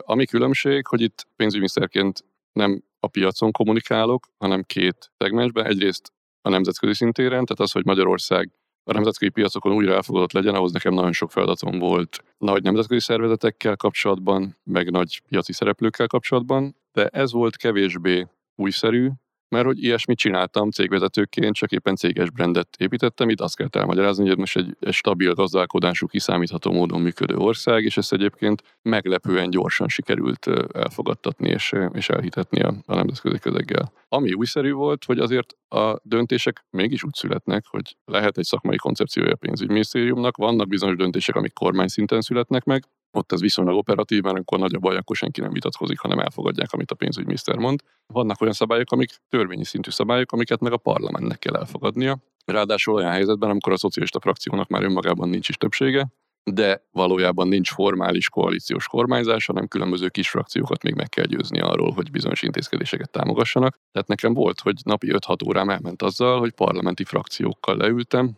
és ilyen pszichológiai terápia szintű részletekbe menő szájbarágos tárgyalásokat folytattunk arról, hogy most miért kell ezeket a változásokat, miért így reális a költségvetés, miért kell azt belerakni az adótörvényekbe. És nekem volt olyan visszajelzésem egyébként szocialista képviselőktől, hogy na ilyenben még soha nem volt részük. Hogy eljött egy pénzügyminiszter, és hat órán keresztül magyarázta, hogy mit miért csinálunk. Ezt úgy is fel lehetne fogni, hogy kvázi a cégnek az operatív vezetője a közgyűlés sem próbálja meggyőzni Pontosan. a különféle tulajdonosokat. És veszi hogy az a fáradtságot, hogy nem azt mondja, hogy ezt megszavazzátok, vagy vége a világnak, hanem elmagyarázza, hogy azért van vége a világnak, ha ezt nem szavazzátok meg, mert ezt és ezt és ezt és ezt és ezt kell érteni, és még azt is meghallgatja, hogy elmondja az adott területi ö, szocialista képviselő, hogy de nekem haza kell mennem, és meg kell értetnem az emberekkel, mert hiába van neked itt igazad, ők meg otthon azt látják, és akkor még odáig is elmegyünk, hogy nekik meg azt tudod mondani. Sőt, egyébként olykor még, amikor már nem ez a, nem ez a nagyon taposómalomszerű üzem volt, mert azért nyilván nyáron voltak ennél lazább időszakok, meg amikor már volt fogadva a költségvetési törvény, a következő tavasszal is volt. Én egyébként még azt is felazomnak tekintettem, hogy egy-egy ilyen területi gyűlésre elmentem, és akkor ott beszélgettem az emberekkel, meg ha kérdeztek, akkor válaszoltam, és ambicionáltam, hogy ők megértsék, hogy mit miért csinálunk ami azért ilyen szintű szakmai problémáknál sokszor nem kis kihívás, de ugye pont azt mondtam, hogy én a média szereplésekben ezt gyakoroltam hosszú évekig részletekben menő szakmai kérdésekről hogy lehet úgy beszélni, hogy azt egyébként legalább felületesen értsék az emberek. Nem biztos, hogy minden szakmai mélységet értenek, nem biztos, hogy minden szakkifejezést értenek, de mondjuk nem 30 szakkifejezést mondok egymás után, ahol már a ötödiknél elvesztik a fonalat, hanem figyelek arra, hogy összességében érthető legyen, amit mondok. És ezt hál' Istennek megtanultam a karrier során, mert ez iszonyú erős eszközzé vált egyébként a pénzügyminiszterségem során. Amikor azok, akik azt mondták, hogy ne vállaljam erre, ez tuti elhasalás, azzal nagyon egyszerű egyébként logikus megközelítéssel éltek, hogy három-négy hónapig az MSZP frakció támogatni fog minket, mert nem érdeke az előrehozott választás. Ők el akarnak jutni a, a rendes parlamenti választásokig, már pedig, hogyha a kormány lemondásakor ugye nincs új kormány, vagy egy új kormány rögtön megbukik, akkor még kiírnak egy előrehozott választásokat, tehát akkor még ősszel parlamenti választások lettek volna. De hogy szeptembertől, mondták, ezek a mindenféle baráti kapcsolataim, szeptembertől nem lesz eszköz arra, hogy a parlamenti frakciókkal bármit megszavaztassunk, mert már nem fogja őket érdekelni, hogy megbukik-e a kormány, vagy nem bukik meg, mert ha megbukik, akkor is úgyis csak a következő áprilisban lesznek választások. És ami a legfenyegetőbb, jósolt ezt mindenki előre, nem fogjuk tudni elfogadtatni a költségvetést. Tehát nem lesz az év végén novemberben, decemberben megszavazott költségvetése az országnak, és egy pénzügyminiszternek annál nagyobb elhasalás nincsen, mint hogy elvállalta a válságkezelésre, aztán nem tud egy költségvetést elfogadtatni. És a legnagyobb eredménynek, amelyet, hogy visszavittük az országot a piaci finanszírozásra, túljegyezték a devizakötvényeket, stb. Én mégiscsak azt gondolom, hogy egy ilyen helyzetben, ahol senkinek nem volt érdeke akkor már egyébként velünk együttműködni, sikerült elfogadtatni azt a költségvetést, amit tényleg mindenhova el kellett menni egyenként elmagyarázni, hogy miért ez az érdeke mindenkinek, és hogy miért értelmetlen fej, fejreállás ezt most szabotálni és majd nyilván, ha jön egy új kormány, nyilvánvaló volt akkor már, hogy egy kormányváltás lesz, és egy új kormány jön, az úgyis azt csinál ezzel a költségvetéssel, amit akar. De hogy az, hogy az ország az épkézdább módon menjen bele a parlamenti választásokba, és stabil működés mellett legyen egy egyébként szükségszerű kormányváltás, ahhoz kellett egy elfogadott költségvetés, és az azt gondolom, hogy nekünk egy nagyon erős szakmai reputáció volt, hogy ezt meg tudtuk egy teljesen egyébként ezt minden tekintetben szinte ellehetetlenítő környezetben csinálni. De jól értem, akkor igazából azokat a sikerkritériumokat sikerült teljesíteni, amiket, amivel te úgy értékelt, hogy ez a szakmai munka, amit elvégeztetek, sikeres volt. És ha így visszatekintesz erre az időszakra, ott kvázi ilyen cégvezetési tapasztalatként mondtál párat a múlt is életedből. Uh-huh. Ebből mit lehet kivenni, vagy mit tanultál, ami úgy majd a további életpályádra majd tovább tudsz vinni, vagy segít? Hát ebből az időszakból szerintem leginkább azt tanultam meg, mert a leg, lehető legnehezebb tárgyalási helyzetekben voltam.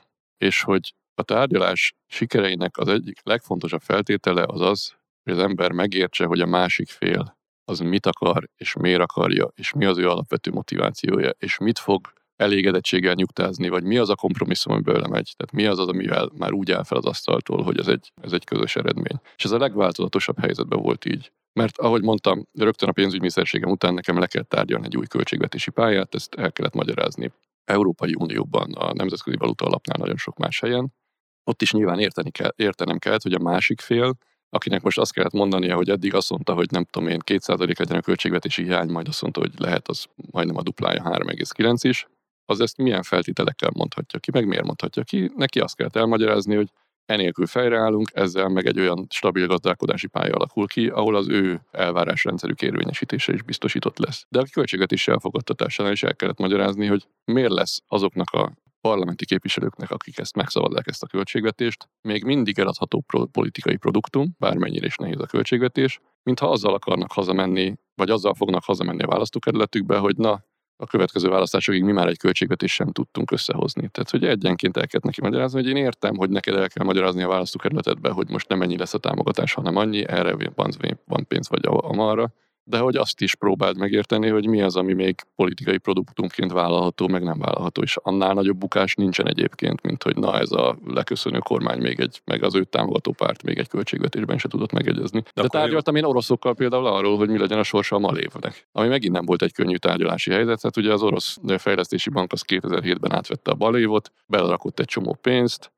majd 2009-re, 2010-re kiderült, hogy továbbra sem áll meg a lábán a malév, már az adókötelezettségét se tudta fizetni, és akkor mi azt mondtuk az oroszoknak, hogy visszavesszük a malévet, úgyhogy egy fillért nem fizetünk érte, tehát amennyivel tartozik a magyar államnak, azt tekintjük a vételárnak, azt bekonvertáljuk tőkébe kvázi, és ezáltal mi leszünk a, a malév tulajdonosai, és akkor ezt kell elfogadtatni az oroszokkal, hogy két évig finanszírozták, de azt a pénzt nem kapják vissza. Viszont ez még mindig jobban áll, mint hogy a malév abban a pillanatban csődbe megy, mert egy működő cég lesz mégiscsak magyar állami tulajdonban, tehát minimális esély marad arra, hogy esetleg a tartozásait valamikor letornázza, amíg hogyha csődbe megy, akkor meg annyi sem marad. Nem állítom, hogy ez egy könnyű tárgyalási folyamat volt, de ott is minden pillanatban meg kell érteni, hogy hogy a másik fél az mit akar, mi az, amit még el tud fogadni, mi az, amit nem, meg mi az, amit megért a mi pozíciónkból, és hogy lehet elfogadni a mi helyzetünket, és hogy lehet összességében megértetni, hogy az a, az a reális kompromisszum, amit, amit egyáltalán képviselni tudunk. Én ebben az időszakban szerintem tárgyalás technikából tanultam a legtöbbet. Tehát abból tanultam a legtöbbet, hogy hogy lehet álláspontokat közelíteni, összehozni, és a végén eredményre jutni, és a legváratlanabb helyzetekben, a legszámra ismeretlenebb helyzetekben kellett ezt gyakorolni. Még akkor is, hogy a multiszégvezetőként azért viszonylag sokat tárgyaltam, de egy adott kultúrán, egy adott szokásrendszeren belül tárgyaltam. Itt meg aztán mondom, az orosz kormánytól kezdve a, a parlamenti képviselőkön át, a nemzetközi valuta alap képviselőjön keresztül nagyon sok mindenkin, és ott tényleg mindent kipróbál az ember, és mindent tapasztal. Magyarán akkor itt igazából egy nagyon értékes olyan skill lett, amit a Ez így van értékesítésben, a befektetésben, a cégvezetésben, egy állásinterjú, vagy egy partnerségi, de bárhol tudsz alkalmazni, és akkor ez egy nagyon nagy eredmény. És igen, azt meg lehet tudni, hogy nem mindenki képes arra, hogy idegfejjel, értelmesen, és ezeket a szempontokat figyelembe véve, mint elmondtál, végezzen jó tárgyalást. És ez megvan, ebből a, ha jól értem, akkor ez egy kvázi egy határozott idejű szerződésed volt, mint a válság. Igen, bár a, igen, bár a következő munkahely meg akarták a fejüket, hogy akkor mit írjanak a a HR papírokra, hogy hogy szűnt meg az előző munkaviszonyom, hogy rendes felmondás, rendes, rendkívüli felmondás, mondtam, hogy kormányváltás, tehát hogy körülbelül ezt lehet odaírni. De igen, tehát hogy amikor én elvállaltam, akkor tudtam, hogy ezt egy évre vállalom, és aztán majd azt igyekszem minél tisztességesebben átadni. Mikor kezdtél el azon gondolkozni, hogy mi lesz az után? Mert ha jól értem, akkor tudtad, hogy nem leszel pénzügyminiszter az egy év után és nem is akarsz politikai szerepet vállalni, ezt mondtad. Igen. Innentől kezdve akkor utána, amikor leköszöntél, utána kezdtél el gondolkozni, vagy már előtte volt terved erre, ez hogy alakult? Gondolkodni előtte gondolkodtam, de lépéseket csak utána tettem. Az szerintem azért egy fura helyzet, hogy az ember hivatalban lévő pénzügyminiszter akkor nem járkál el állásinterjúkra. Igen, ez egy érdekes. E, igen, igen, tehát ezt, ezt, az ember nyilván kivárja, ezért is van egyébként ilyenkor egy, nem tudom én, pár havi még fizetett időszak, amíg az ember biztosíthatja, hogy hova lép tovább. Gondolkodni gondolkodtam, és egyébként, ha most így az, az akkor folytatott baráti beszélgetésekre visszagondolok, furcsa módon ez a kockázati tőke private equity típusú iparák felé való vonzódás, kacsingatás már szerintem a, a 2010 tavaszán folytatott beszélgetésekből kiderült, pedig akkor még nem is volt konkrét lehetőségem. Sőt, az eszedbe azt... se jutott, hogy a Big Fourhoz valamelyikhez visszamenje? Hát azt nem mondom, hogy nem jutott eszembe, mert nyilván egy józan ember minden, minden alternatívát, minden lehetőséget végig de mondjuk úgy, hogy eszembe jutott és elvetettem. Uh-huh. Nem, tehát az egész pénzügyminiszterség nekem, amelyet, hogy egy, egy nagyon gazdag tapasztalatszerzés volt, arra volt jó, hogy 15 év Big Four karrier után ne úgy tekintsenek rám, mint egy nagyon jó Big Four tanácsadóra, aki ahhoz érdem máshoz nem, hanem végre azt tudjam mondani, hogy én azért bizonyítottam, hogy sok mindenre képes vagyok, és sok mindenhez értek. Visszacsukni magamra újra ugyanazt a skatuját, annak azért nem lett volna sok értelme de nem volt konkrét befektetési területre szóló ajánlatom, sőt, miután befejeztem a pénzügyminiszterséget, több különböző területről kaptam ajánlatot, tehát nem csak a befektetési területről, hanem más típusú ajánlataim is voltak, főleg a pénzügyi szektorból, és egyébként a, a többi ajánlat az mondjuk úgy, hogy egy nagyobb szervezet, magasabb presztízsű pozíció lett volna induláskor, csak ugyanaz maradt volna végig, miközben ez egy építkezési jellegű továbblépési lehetőség volt, tehát valószínűleg volt egy ilyen ösztönös kacsingatás, vonzódás már a gondolkodási időszakban még a miniszterségem alatt, hogy én majd valamikor ilyen befektetési típusú területtel akarok foglalkozni, és amikor már nem voltam pénzminiszter, és elkezdtem tárgyalásokat, és beérkeztek lehetőségek és ajánlatok, akkor meg, akkor meg erre esett a választás. És akkor az OTP-hez kerültél, kockáti befektető, vagy alapot kellett felépítened? Nem, a, amikor az OTP-hez kerültem, az OTP-ről kaptam egy ajánlatot, az OTP-nek már egy darab alapkezelője, és az, az alatt az alapkezelő alatt egy darab alapja már létezett. Tehát ott is az volt, hogy már egy létező szervezetet és struktúrát vettem át, de az volt a feladat, hogy azt fejleszem, jobbítsam és bővítsem. Egyébként négy évet töltöttem ott az OTP-nél, de az alatt a négy év alatt még további két tőke alapot elindítottunk. Tehát igazából egyet vettem át, és kettőt indítottam újonnan. De ott ez már a karrierem ez már egy relatíve rövid szakasz volt, mert ott már viszonylag gyorsan megérett bennem, hogy én, én már úgy érzem, hogy valami sajátot is akarok csinálni. Tehát. Eddig az volt, hogy mindig beálltál egy szervezetbe, egy cégbe, és azt fejlesztetted tovább,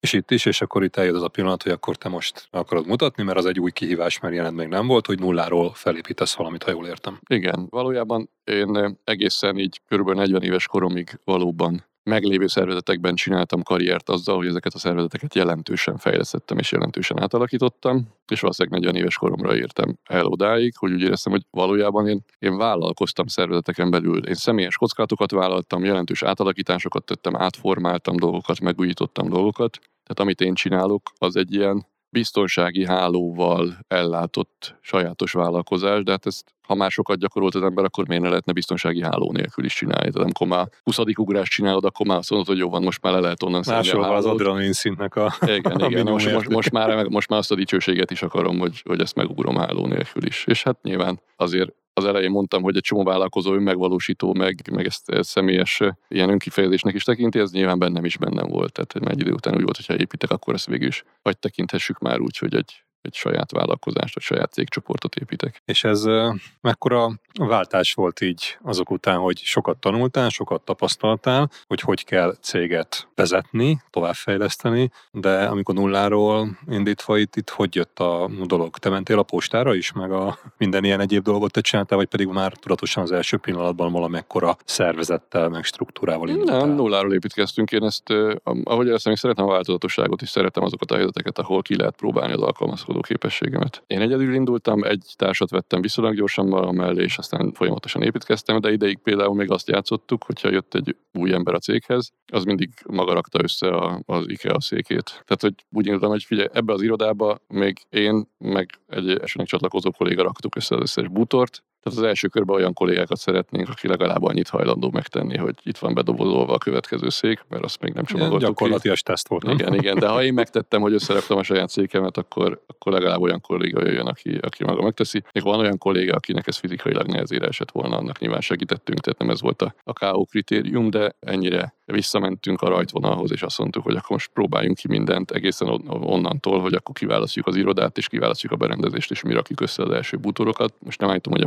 mostani irodánkban már mit csináltuk, tehát nyilván eljutottunk odáig, hogy akkor egy külön cég berendezi az irodát, meg kialakítja az igényeink szerint, de ezt a legelejéről kezdtük el, meg nyilván akkor igyekeztünk mindent rögtön elektronikusan is online intézni, de hát ha postára kellett menni, akkor postára kellett menni, tehát még ezeket a feladatokat is elvégeztük. Most az adminisztrációt azért viszonylag gyorsan felhúztuk, de hát az első, összes első tárgyalást, meg az első cégalapítást, meg minden mást egyénileg csináltunk. De hát azért egy év alatt eljutottunk odáig, hogy már, már nem egyedül fektettük be, hanem angyal befektetők csapódtak hozzánk, tehát 2014-ben alapítottam meg az Oxolabs nevű, akkor még ilyen inkubátor szintű befektető céget, de 2015-ben már több más angyal befektetővel létrehoztuk az első ilyen kisebb angyal alapunkat, tehát azért ez egy dinamikus, gyors építkezés volt, de tényleg a nulláról, tehát tényleg a kezdetekről. És saját pénzedből raktad ezt össze, vagy pedig hoztál be kvázi befektetőket, akiknek a pénzével együtt? Mind a kettőt, tehát a saját pénzemből kezdtem el befektetni, azért nyilván nem nulláról indultam a piacról olyan módon, hogy azon a piacon dolgoztam éveken keresztül, tehát ismertem befektetési célpontokat, meg ismertem befektetőket is. Hát ahogy mondtam, az OTP által kezelt, vagy az OTP csoporthoz tartozó kockázati tőke alapkezelőnél még két új alapot létrehoztam, tehát azt a, annak a befektetői körét én raktam össze tehát nyilván volt kapcsolatrendszerem, volt ismertségem, de azért még az OTP-n is megtanultam, az OTP az nem egy kis tőkeellátottsággal rendelkező szervezet, de ahhoz, hogy az ember ezen a piacon, ami alapvetően egy nemzetközi piac versenyezni tudjon, ahhoz alapvetően bővíteni kell a befektetői kört, és minél nagyobb finanszírozásra kell tudni szert tenni, mert az egy kiszolgáltatott helyzet, amikor az embernek annyi pénze van, hogy elindít cégeket pályán, és aztán majd ahhoz, hogy abból nagy nemzetközi cégek nőjenek, ahhoz majd kell hozni még három-négy nagy befektetőt, és te majd az utolsó maradsz a sorban, mert az első 50-100 milliót te raktad be, de a 10 millió dollárt már nem te raktad be, és onnantól a végén vagy hagynak neked valamit a tortából, vagy nem. Tehát én mindig azt ambicionáltam, hogy mi ne csak egy a saját vagyonunkhoz mérten egyébként befektetéseket végrehajtani képes kiskorai fázisú befektető legyünk, hanem mi legyünk nemzetközi piacra felnőni képes befektetőcsoport, akik nem csak elindítanak a céget a pályán, hanem minél messzebb el tudják kísérni, és persze másokkal együtt befektetve, mert ezek egy idő után mind, mindig társbefektetések, de hogy végig, végig a játék része legyünk, és ne csak hátulról passzívan szemelénk, hogy utána már a nagy fiúk hogyan játszák ezt a játékot, és mit, mit csinálnak. Tehát én elkezdtem saját magam befektetni, de már az első alkalommal, amikor egy cégben nem csak én raktam be pénzt, hanem még más befektetők, elkezdtünk arról beszélni, hogy akkor ezt nem eseti jelleggel kéne csinálni, hanem közösen létre létrehozni olyan szervezeteket, ahol nem annyit tudunk egyenként befektetni, amennyi pénzünk nekünk van, hanem ezt egybe rakjuk, és, és ezáltal egyen nagyobb szereplők leszünk a piacon. És aztán az első ilyen kör után már aztán intézménybefektetők is csatlakoztak hozzánk. Nyilván más mértékegységű pénzt tud berakni egy intézménybefektető, mint egy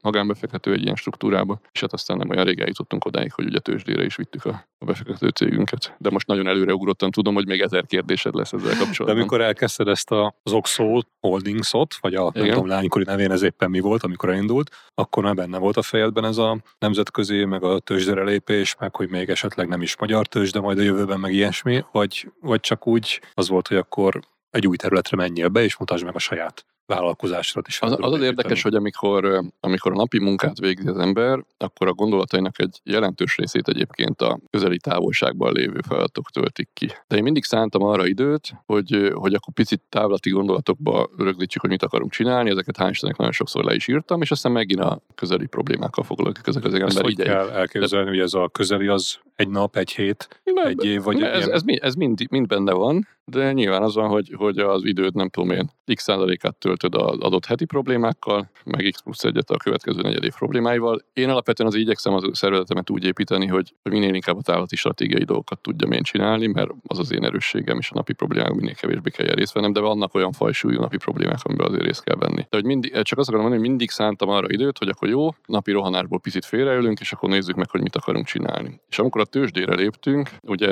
hát igazából két, 2000-ben jelentettük be, vagy 2000, nem, 2019-ben jelentettük be, hogy akarunk majd tőzsdére menni, 2021-ben történt a tőzsbevezetés, de 20-ban alapítottuk a céget, amit tőzsdére vittünk. 19-20-ban én elő tudtam húzni egy papírt 2015-ből, amikor ezt az első angyalapot megalapítottuk, ahol le volt írva sorrendben, hogy először magánbefektetőkkel igyekszünk a kihelyezhető tőkét megfelelő arányban bővíteni, utána megfelelő sikeres befektetéseket tudunk felmutatni, akkor utána intézménybefektetőket is bevonunk, és utána valószínűleg érdemes megcélozni a, a szabályozott működést és a tőkepiaci ellétet is egy szélesebb körű tőkebevonásot. Ez 2015-ben le volt írva elő kellett szednem 2019-ben, nem, csak rém lett, hogy ezt annak idején megemlítettük, nem tudtam volna szó szerint elmondani, de volt ilyen stratégiai szándék már az elején. Tehát amikor ezt elindítottuk 2014-2015-ben, 15-ben volt az, hogy már több befektetőt bevontunk, akkor felrajzoltunk magunk elé, hogy ezt hogyan, hogyan lehet tudatosan továbbfejleszteni, és meddig lehet ezzel eljutni. E, nem állítom, hogy minden pillanatban állandóan ezt a céltáblát oda felrajzoltuk a táblára, tehát mondom, van egy csomó olyan pillanat a cég működésében, amikor a következő fél évet akarod megoldani, és aztán a következő fél évet megoldod megoldotod, akkor vissza lehet térni azokhoz a stratégiai tervekhez, hogy, hogy messzire is eljussál. De hát most is gyakorlatilag a következő öt évre szerintem bőven elég ilyen célmeghatározást szabtunk magunknak. Tehát az, hogy most éppen külföldre helyezzük át a székhelyet, jelentősen bővítjük a nemzetközi befektetői körünket, új intézményi alapokat hozunk létre, de közben már elő, előre akarjuk készíteni azt is, hogy a hazai piacon standard piacra lépünk, de majd egy dual listinggel egy, egy nemzetközi tőzsdéri magunkat. Ezt most elmondtam,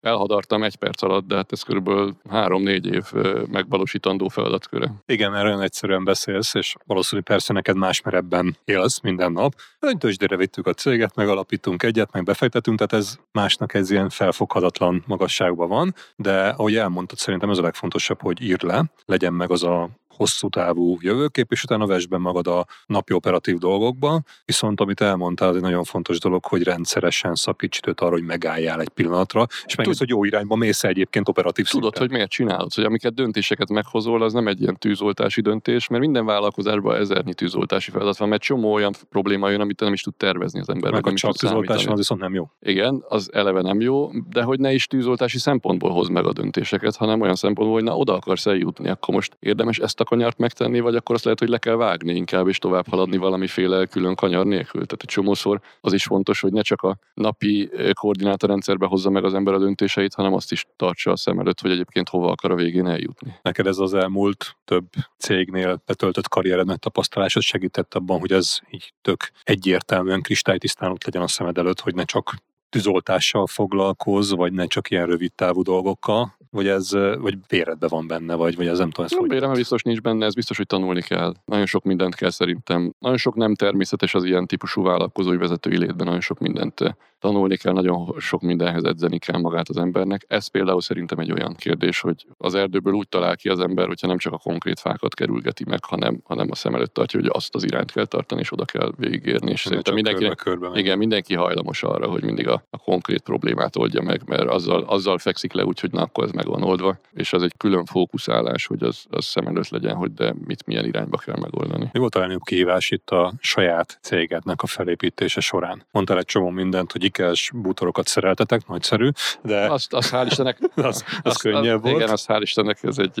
Az de amikor egy elkezdett feladat. működni, és, és nem az, hogy elmenj a postára meg ilyenek, hanem hogy kiépítsd azt a struktúrát, ami most már nem néhányan vagytok, hanem egy, tényleg egy komoly céget rakt, hogy tőzsdére ment, akkor ez komoly cégnek kell, hogy legyen. Uh-huh. Mi volt ebben a legnagyobb nehézség, kihívás, challenge? Az most egy egyszerű válasz, hogy a külső körülmények, mert azért az, az elmúlt időszak üzleti környezete, hogyha csak a nem tudom én 2020-tól kezdem el nézni, és azért 21-ben mentünk tőzsdére, 19-20-tól azért folyamatosan minden év a teljesen kiszámítatlan, teljesen váratlan Oké, okay, de ahhoz csak alkalmazkodni tudsz, mert befolyásolni nem tudod a külső körülményeket. Igen, de nem olyan könnyű. Tehát, hogy azt megérteni, hogy mi fog történni, és a, már ahhoz igazítani a stratégiát, és érzékelni a COVID idején, hogy ez, emlékszem, a, még én vállalkozói körben vitatkoztunk arról, hogy ez most az első lezárások alatt, hogy akkor ennek most nyárra vége, vagy simán elhúzódik évvégéig, vagy még tovább is. És szerintem a többség azt mondta, hogy ez pár hónap.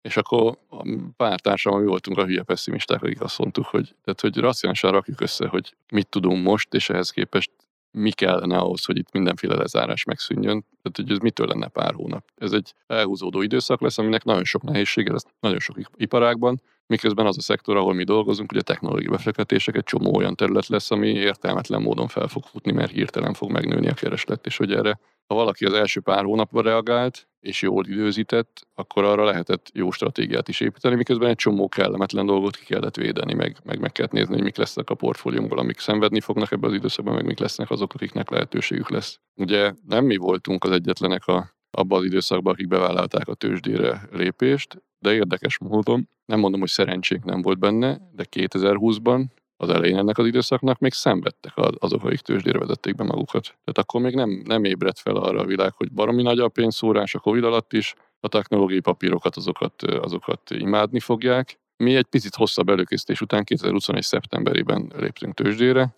és már a bevezetési árfolyamunk is azt gondolom, hogy egy, egy korrekt árfolyam volt, tehát egyetlen befektetünk sem panasz, egyetlen korábbi befektetünk sem panaszkodott miatta, és az árfolyam szerintem három nap alatt duplázódott gyakorlatilag a bevezetés után. Tehát, hogy ak- akkora rallit csinált, hogy egyébként valójában én már nem is örültem neki. Miközben ott egy csomóan tapsoltak, én jeleztem, hogy ebből baj is lehet, mert most egy csomóan bevásárolnak a bevezetési árfolyam dupláján a részvényből, és azoknak az lesz a szerzési értéke, és majd azt várják el tőlünk, hogy azt az értéket növeljük még tovább, vagy termeljük ki, tehát hogy az a, a rövid távú siker az hosszú távon nyomás is lehet. De hogy mondom, a, én szerintem az elmúlt néhány évben az egy dolog, hogy külső körülmény, de hogy erre mindig a leggyorsabban felismert, hogy mik a következménye, és hogyan kell alkalmazkodni, és mit kell, eh, mit kell ezzel kapcsolatban csinálni. Egy sokan azt mondták, hogy miért foglalkozunk ezzel az eurós átállással, tehát hogy mi miért akarunk. Ugye ez 2022 elején már elindítottuk, hogy mi a részvényt átkonvertáljuk forintról euróra, és 2023-ra meg is csináltuk. 2022 őszén, amikor 430 volt a forint euró váltóárfolyam, akkor már nem kérdezte meg senki, hogy miért akarunk átállni egyébként.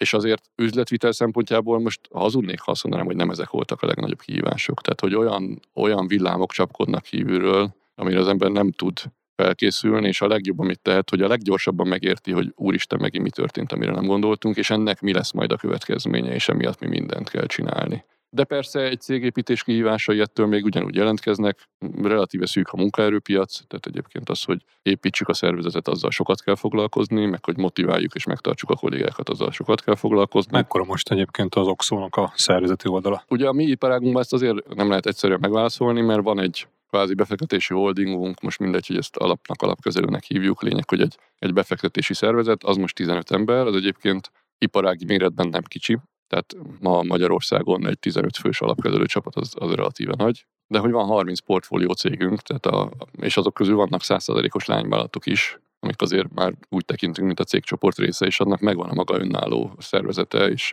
és személyi állománya. Nyilván ott már úgy dolgozunk, ahogy egyébként cégvezetőként én is dolgoztam, hogy a menedzsmenttel tartjuk a kapcsolatot, és a szervezetet meg, meg a menedzsment irányítja, meg ő, ő gondoskodik róla de hát ezek is fejenként 10-20-50 fős vagy ennél nagyobb cégek is. Meglehetősen heterogén ilyen módon a szervezeti struktúra, de akikkel egy irodában ülünk folyamatosan nap, mint nap, az 15 ember egyébként, és akkor van egy cégcsoportunk, amik meg akár pár száz főt is eléri. És akárhogy is jönnek ezek a kihívások, meg a külső körülmények, ilyenek többe kell fektetni. És akkor így jönnek és bővülnek a portfólió cégek. Uh-huh. A portfóliótokról mit lehet tudni? Ez mekkora, hány cég van benne, mi erről, ami publikus? Igen, tehát hogy azért nehéz egy állóképet mutatni róla, mert folyamatosan fektetünk, mert meg folyamatosan értékesítünk céget, tehát alapvetően 20-30 közötti a, a portfólió cégeink száma, teljesen publikus, mert hogy tőzsdei cég vagyunk, és az összes portfólió céget folyamatosan bemutatjuk, ismertetjük, sőt, ha már befektetünk valahova, azt is előre közöljük, vagy eladunk egy céget, azt is, azt is mindig nyilvánosságra hozzuk, előre közöljük. Mi nagyon fontosnak tartjuk, hogy a diversifikáció ne csak egy ilyen, egy ilyen üres jelszó legyen, hanem különösen a jelenlegi piacon ne tűnjön úgy, hogy egy helyre tesszük a tétet.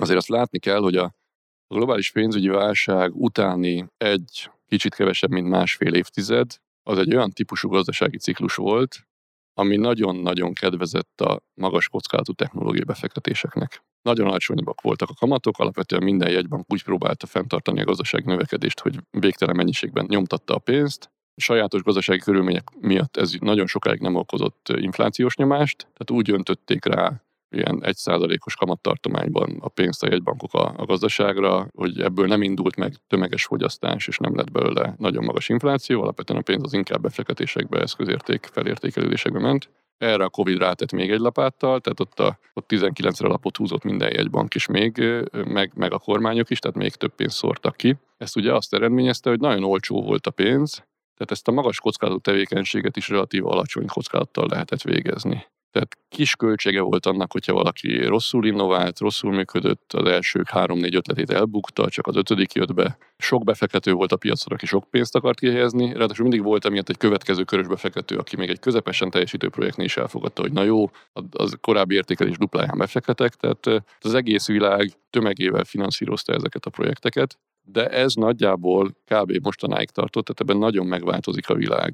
Mi már 18-ban mondtuk azt, pedig akkor még Covid nem is volt, csak azt gondoltuk, hogy nem lehet örökké önteni a pénzt inflációs nyomás nélkül, hogy a pénzünk egy részét fektetjük csak korai fázisú projektekbe. Tehát megnézzük, hogy mi az a hányad, amire azt mondjuk, hogy ezt a, az, az induló ötletfázisú, vagy éppen piacra lépő projektekbe rakjuk, de ahhoz, hogy nem voljon ránk később a ház, amikor majd kiderül, hogy már nincs következő körös finanszírozás, még nem is annyit ér a projekt, csak negyed annyit, vagy nem is teljesít jól, ezért már akkor elkezdtünk azzal foglalkozni, hogy, hogy kivásároljunk életfázisú projekteket, amik már megállnak a lábukon, nincs finanszírozási igényük, nyereségtermelők és, és képesek osztalékot is fizetni, illetve elmentünk ezt Magyarországon még nem nagyon használatos ez a szó, ez úgynevezett secondaries típusú ügyletek irányába, tehát csináltunk buyoutot, meg secondaries. A secondaries az az, amikor, amikor pár befektető pár kört finanszírozott egy cégben, de ők már nem finanszírozzák tovább, Igazából nem rossz a projekt, csak megnehezült attól, hogy beleraktak egy csomó pénzt, és azt nem tökéletesen költötték el. Tehát, hogyha valaki újra szabná az egészet,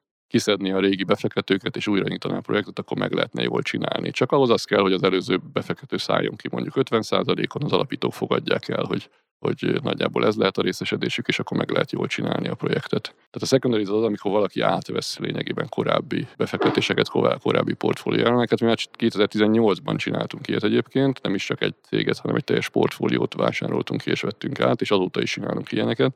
Tehát nekünk a befektetéseinknek az szerintem kb. szám szerint az egyharmada az, az a klasszikus korai fázisú startup befektetés, és a kétharmada azt, amit a világ fejlettebb része egyébként már régóta csinál, ezek a kivásárlások, meg secondary, tehát ilyen másodlagos ügyletek, ahol már érettebb portfóliószéket veszünk át, ahol jobban felmérhető, hogy mit teljesített addig, és mit fog teljesíteni. Ezek egy része ráadásul nem finanszírozásra szoruló, hanem nyereségtermelő, stabil cég. Egy másik része még további finanszírozásra szorul, de reálissá lehet tenni az értékelést és a finanszírozás, és úgy lehet tovább építeni őket. És ezáltal mondom azt, hogy kellően diversifikált a portfólió, mert most is a portfóliónk egy részében van ez a, ez a korai fázisú befektetés, ami simán lehet, hogy semmi nem lesz belőle, de simán lehet, hogy akkorát robban, hogy, hogy az összes befektetésünk megtérülését biztosítja, és vannak olyanok, amik meg kicsit kimértebbek, nem fogják meg tízszerezni a befektetett pénzt, viszont stabilan hoznak egy olyan hozamot, ami miatt nem fogunk fejreállni. Neked mindig van valami, amiből kvázi pénzt tudsz csinálni. Nem Így az, van. hogy csak vársz arra, hogy öt év múlva majd exitelnek a koraiak,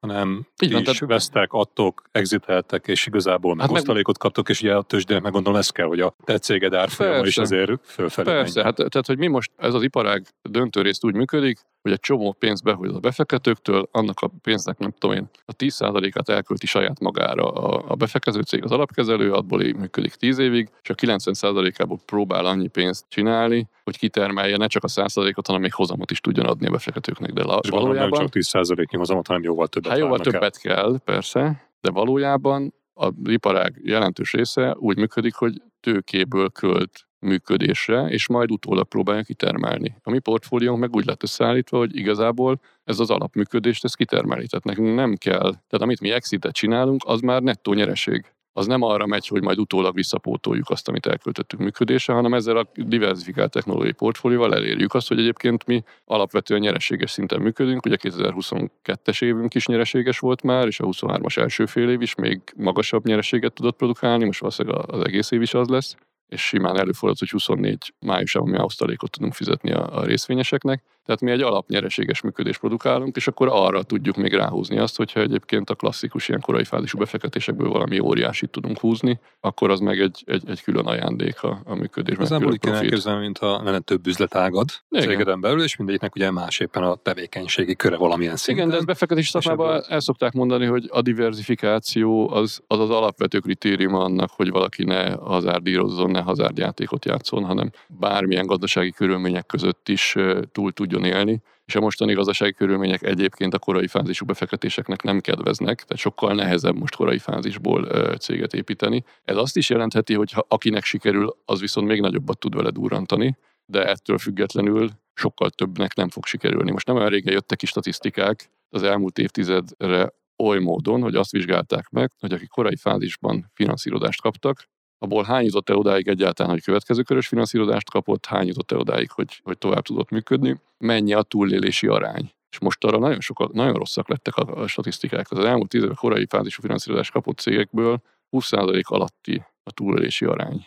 Nagyságrendileg 18% a túlélő cégek száma. Abból nem lehet befektetői hozamot csinálni. Persze az iparág azért nem így néz ki, hogy mindenkinél a cégek 82%-a bedől, hanem csomó mindenkinél bedől 100%, aztán vannak olyanok, akik nagyon szépen teljesítenek, tehát a felső egynegyede az iparágnak azért szép hozamokat tud hozni, de önmagában az iparág az egy borzasztó kockázatos és borzasztó veszélyes iparág. Igen, ha így nézzük, akkor hazárdízazásnak is nevezhetnénk ezt a részt, hanem jó stratégiával és koncepcióval. Így van, neki. így van, és mi úgy álltunk neki, hogy azt mondtuk, hogy alapvetően diversifikálunk, és nem tesszük erre az egyre a tétet, mert hogy biztos lesznek olyan szereplők, akik ebből jót, jót tudnak csinálni, alapvetően inkább nyugatabbra vannak ezek a szereplők, de majd biztos felépül itt is, de mi egyel nagyobbat és egyel szélesebb körült akarunk építeni. Igazából ez különböztet meg téged mondjuk egy cégvezetőjétől, aki a sajátjára fogad, tehát ő egyre teszi a tétet, te meg tudod többre tenni a tétet, viszont nem tér az egész, hanem csak egy része. Viszont neked nagyobb is a rálátásod, és egyébként ez egy érdekes dolog lehet, és érdekelne is, ha mennyiben erről tudsz mondani bármit is, hogy a portfólió cégeid, nek a cég építési, cégvezetési, uh-huh. működési dolgai azok, mivel valamilyen szempontból gondolom szűrve kerülnek uh-huh. be hozzátok, valószínűleg átlagnál jobbak, de nem tudom, tehát hogy van-e náluk elakadás, vannak-e kihívások, vagy pedig úgy mindegyik próbál jól működni a saját területén, vagy ők mivel küzdenek, mint ami neked a saját céged építésében uh-huh. volt kihívás, ugyanezek jönnek elő? Na, nagyon más mindegyik, és mindegyik küzd valamivel. Tehát én, nem, én ebbe a, ebbe a világban nem ismerek olyat, hogy valami működik, és tökéletesen fog működni, és nincs semmi kihívás. Van olyan cégünk, aki hát a tavalyi évhez képest duplázza az árbevételét, és ráadásul az a duplázás az nagy részt nyerességbe megy. Ez ráadásul stratégiai befektetésünk, tehát 100%-os tulajdonosok vagyunk, tehát rettentően örülünk ennek a teljesítménynek. De már most elkezdtünk beszélni arról, hogy az egy piaci törvényszerűség, hogy egy ennyire jól teljesítő termék az nem marad így. Tehát van egy életciklusa. Van egy életciklusa, szükségszerűen megjelennek versenytársak, szükségszerűen megjelennek olyan piaci tényezők, olyan ügyféligények, amik ezt a, ezt a fajta nagyon gyors, nagyon erős felfutást az bekorlátozzák. Tehát, hogy most kezdjünk el azon gondolkodni, hogy mi fog történni, mert nincs olyan, hogy egy terméken minden évben duplázza az árbevételét, és ráadásul a költségszinten nem is emelkedik, és az mind profit. Tehát, hogy ez mesébe illő lenne, hogyha innentől csak hátra kéne dőlni, csak ez nem így működik. Ezeket mások is észreveszik. Észreveszik az ügyfelek, észreveszik a versenytársak, észreveszik nagyon sok mindenki a piacon, és most kell látni, hogy mi fog majd történni, és mire kell felkészülni, és hogyan kell majd azokat a helyzeteket kezelni, milyen járulékos termékeket kell fejleszteni, milyen árazási politikát kell folytatni, hogyan kell felkészülni a versenytársakra. tudok hogyan... segíteni, hogy felhívjátok erre a figyelmet? Persze. Szerintem amiben tudunk segíteni, alapvetően minden befektető azt mondja magáról, hogy ő adja a smart amit ő mindenhez ért, aki ezt túlzottan mondja magáról, azt nem szabad elhinni, mert senki nem ért mindenhez. Mindenkinek megvan a maga saját piaci szegmens, a saját piaci tapasztalata, valaki technológiai oldalról jött, az nyilván a technológiai kockázatokat tudja jól felmérni, ha valaki pénzügyi háttérre jött, az nyilván a pénzügyi kockázatokat tudja jól felmérni, ha valaki multivilágból jött, az nyilván multikapcsolatrendszerrel rendelkezik. Általános vélemény, hogy egyébként a befektetők jelen piacon legnagyobb hozzáértéket, amelyet, hogy pénzt adnak, abban tudnak adni, hogy a befektetői iparágat ismerik, tehát mindig a következő körös befektetést, meg az egyéb befektetőket, egyéb iparági kapcsolatokat tudják behozni. Ezen kívül nyilván mindenki tudja a saját tudását, saját kapcsolatrendszerét hozni, mi tudunk vállalati kapcsolatrendszert hozni, meg tudunk pénzügyi tudást hozni.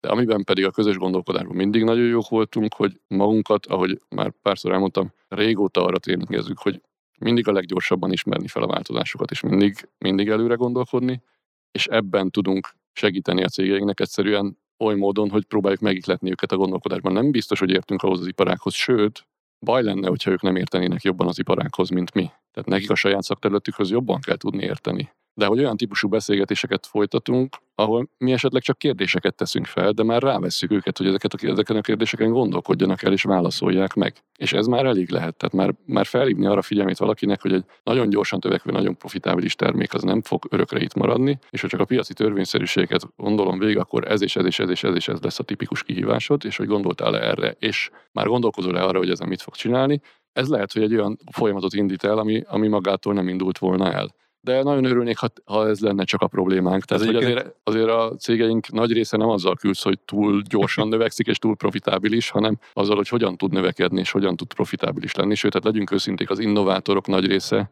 az kreatív, az feltaláló típusú gondolkodó, akinek a, a rendszerezett üzletvitel, a rendszerezett tervezett cégfejlesztés, a sales, a piacépítés az sokszor sokkal nagyobb kihívás, mert hogy nem ez a természete, és vagy el kell fogadtatni, hogy ilyen típusú szakértelmet kell maga mellé venni, vagy ha egyébként polihisztor típusú ember, akkor meg lehet rá tanítani, de nagyon sok alapvető kérdést kell feltennünk, nem csak azzal kapcsolatban, hogy majd hogyan véded meg a, a, ezt a növekedési tempót és profitabilitást, hanem hogy hogyan éred el egyáltalán azt, hogy ez a termék ez majd kelljen valakinek, és meg is vegye, és többet vásároljon belőle, és hogyan csatolod vissza a, a saját fejlesztési tevékenységedbe a vásárlói visszajelzéseket, és mit fogsz ezzel kapcsolatban csinálni. Tehát ne, rengeteg ilyen, ilyen beszélgetésünk van, és mindegyik cégnél más a feladat. Ez kicsit olyan, mint amikor a Deloitte-nál cégvezetőként a külön üzletágakat menedzselt, és adtál van. tanácsot, hogy mire figyeljenek oda. Most Igen. egy kicsit ezt érzem, Igen, hogy... és ráadásul azért is olyan, mert azért én ezt 30 éggel nem tudom megcsinálni. Tehát egyikben egy idő után az a feladatom, hogy ahol ennek a legnagyobb a hozzáadott értéke, ott én csináljam személyesen, és egyébként meg legyenek olyan kollégáim,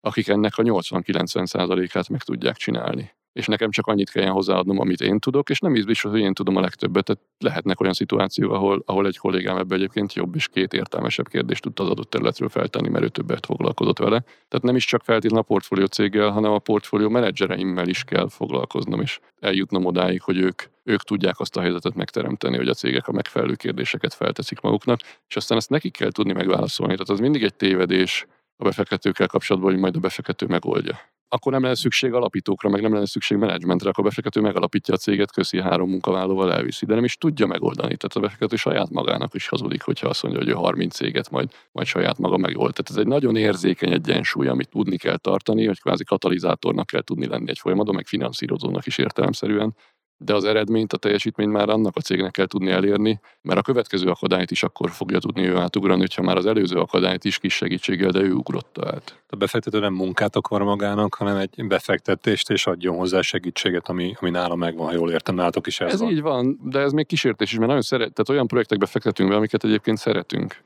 nem lehet kihagyni ebből a számításból azt, hogy van egyfajta ilyen érzelmi köződés, hogy hú, de jó ez az ötlet, hú, hú de jó ez a termék, de jó, hogy végre valaki foglalkozik azzal, hogy nem tudom, fenntarthatóság, klímakihívások, stb. Ráadásul egy jó, innovatív ötlettel megy neki a piacnak. Tehát mi kötődünk ahhoz, hogy ezek a projektek sikeresek legyenek, és akkor így kell tudni azt a távolságot tartani, hogy a pálya szélén megadhatunk mindent, meg, meg kvázi edzőként segíthetjük a tevékenységet, de nem rohangálhatunk be, mi, mi a pályára is vehetjük el a labdát, és jelezgethetünk magunknak, mert abban a pillanatban a csapat az nagyjából le is ült, és nem is fog semmit csinálni. Meg hát elvileg ideális esetben ők sokkal jobban tudnak a pályára rohangálni, mint mi. Igen. És volt olyan tapasztalat egyébként, amikor, most ha már mondtad ezt a negatív vagy rossz példát, hogy ilyen, és akár vége is lett a befektetésnek, mert le kellett írni, mert nem jött össze, hogy alkalmatlan volt, vagy nem jól működött az alapító által összerakott, vagy a kémia nem volt jó, és átvettétek az egésznek az irányítását, vagy nem tudom, bármilyen jellegű. Igen, igen. Tehát leír, leír befektetéseink voltak, vannak, nyilván vannak is mindig. Aki ebben az iparágban azt hogy nincs leírt befektetése, az nyilvánvalóan nem mond igazat. Ilyen magas kockázatú befektetéseket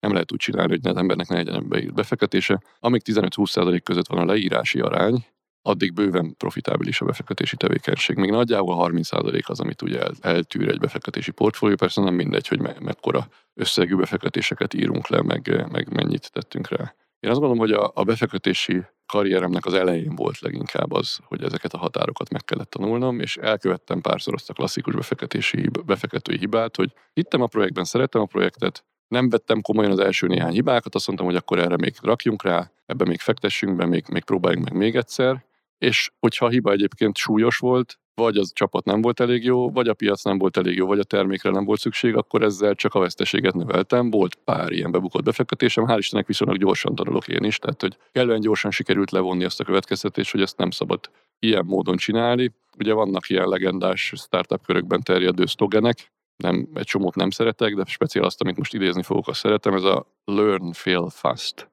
hogy tanulj meg gyorsan elbukni. Tehát a, a bukás az akkor nem fáj nagyon, hogyha azt hamar észleled, hamar levonod a következtetést, hamar leírod a veszteségeket. Vagy nem vagy hajlandó elfogadni a bukásodat, hanem még mindig, de sikerülnie kell, de rá, ráteszel egy téttel, ráteszel egy lapáttal, akkor a végén a veszteségeidet növeled. Annak meg pláne semmi értelme, talán egyszer csináltunk egy ilyet, hogy akkor majd a befektető átveszi a menedzsmentet, vagy hogy be új menedzsmentet, vagy stb. Korai fázisú projekteknél ez nem működik. Ezek annyira alapítótól függő projektek, hogy az lehetséges, hogy az eredeti emberek mellé még az ő velük való együttműködéssel behozol csapattagokat és segítesz kiegészíteni a szakmai kompetenciákat. De az, hogy aki eredetileg csinálta, az úgy, ahogy van, hátradobja az egészet, nem érdekli, nem csinálja tovább, és majd azt valami új emberrel megcsináljuk, az én még nem láttam, hogy ilyen azt buktad is azt a projektet. Így van, és azt akkor bukd el gyorsan. Tehát a, a, a, nekünk egy fontos tanulság, és ez lehet, hogy picit válasz a kérdésedre, mert úgy érzem, mintha nem kikerültem volna a kérdésedre, hogy mik a legnagyobb nehézségek. Egyébként nyilván a veszteség leírása mindig a, a veszteség felismerése, leírása és az abból való megfelelő következtetés levonása. Az, amit mi csinálunk, valószínűleg egyébként minden vállalkozás olyan, hogy van benne bukás, van benne veszteség, és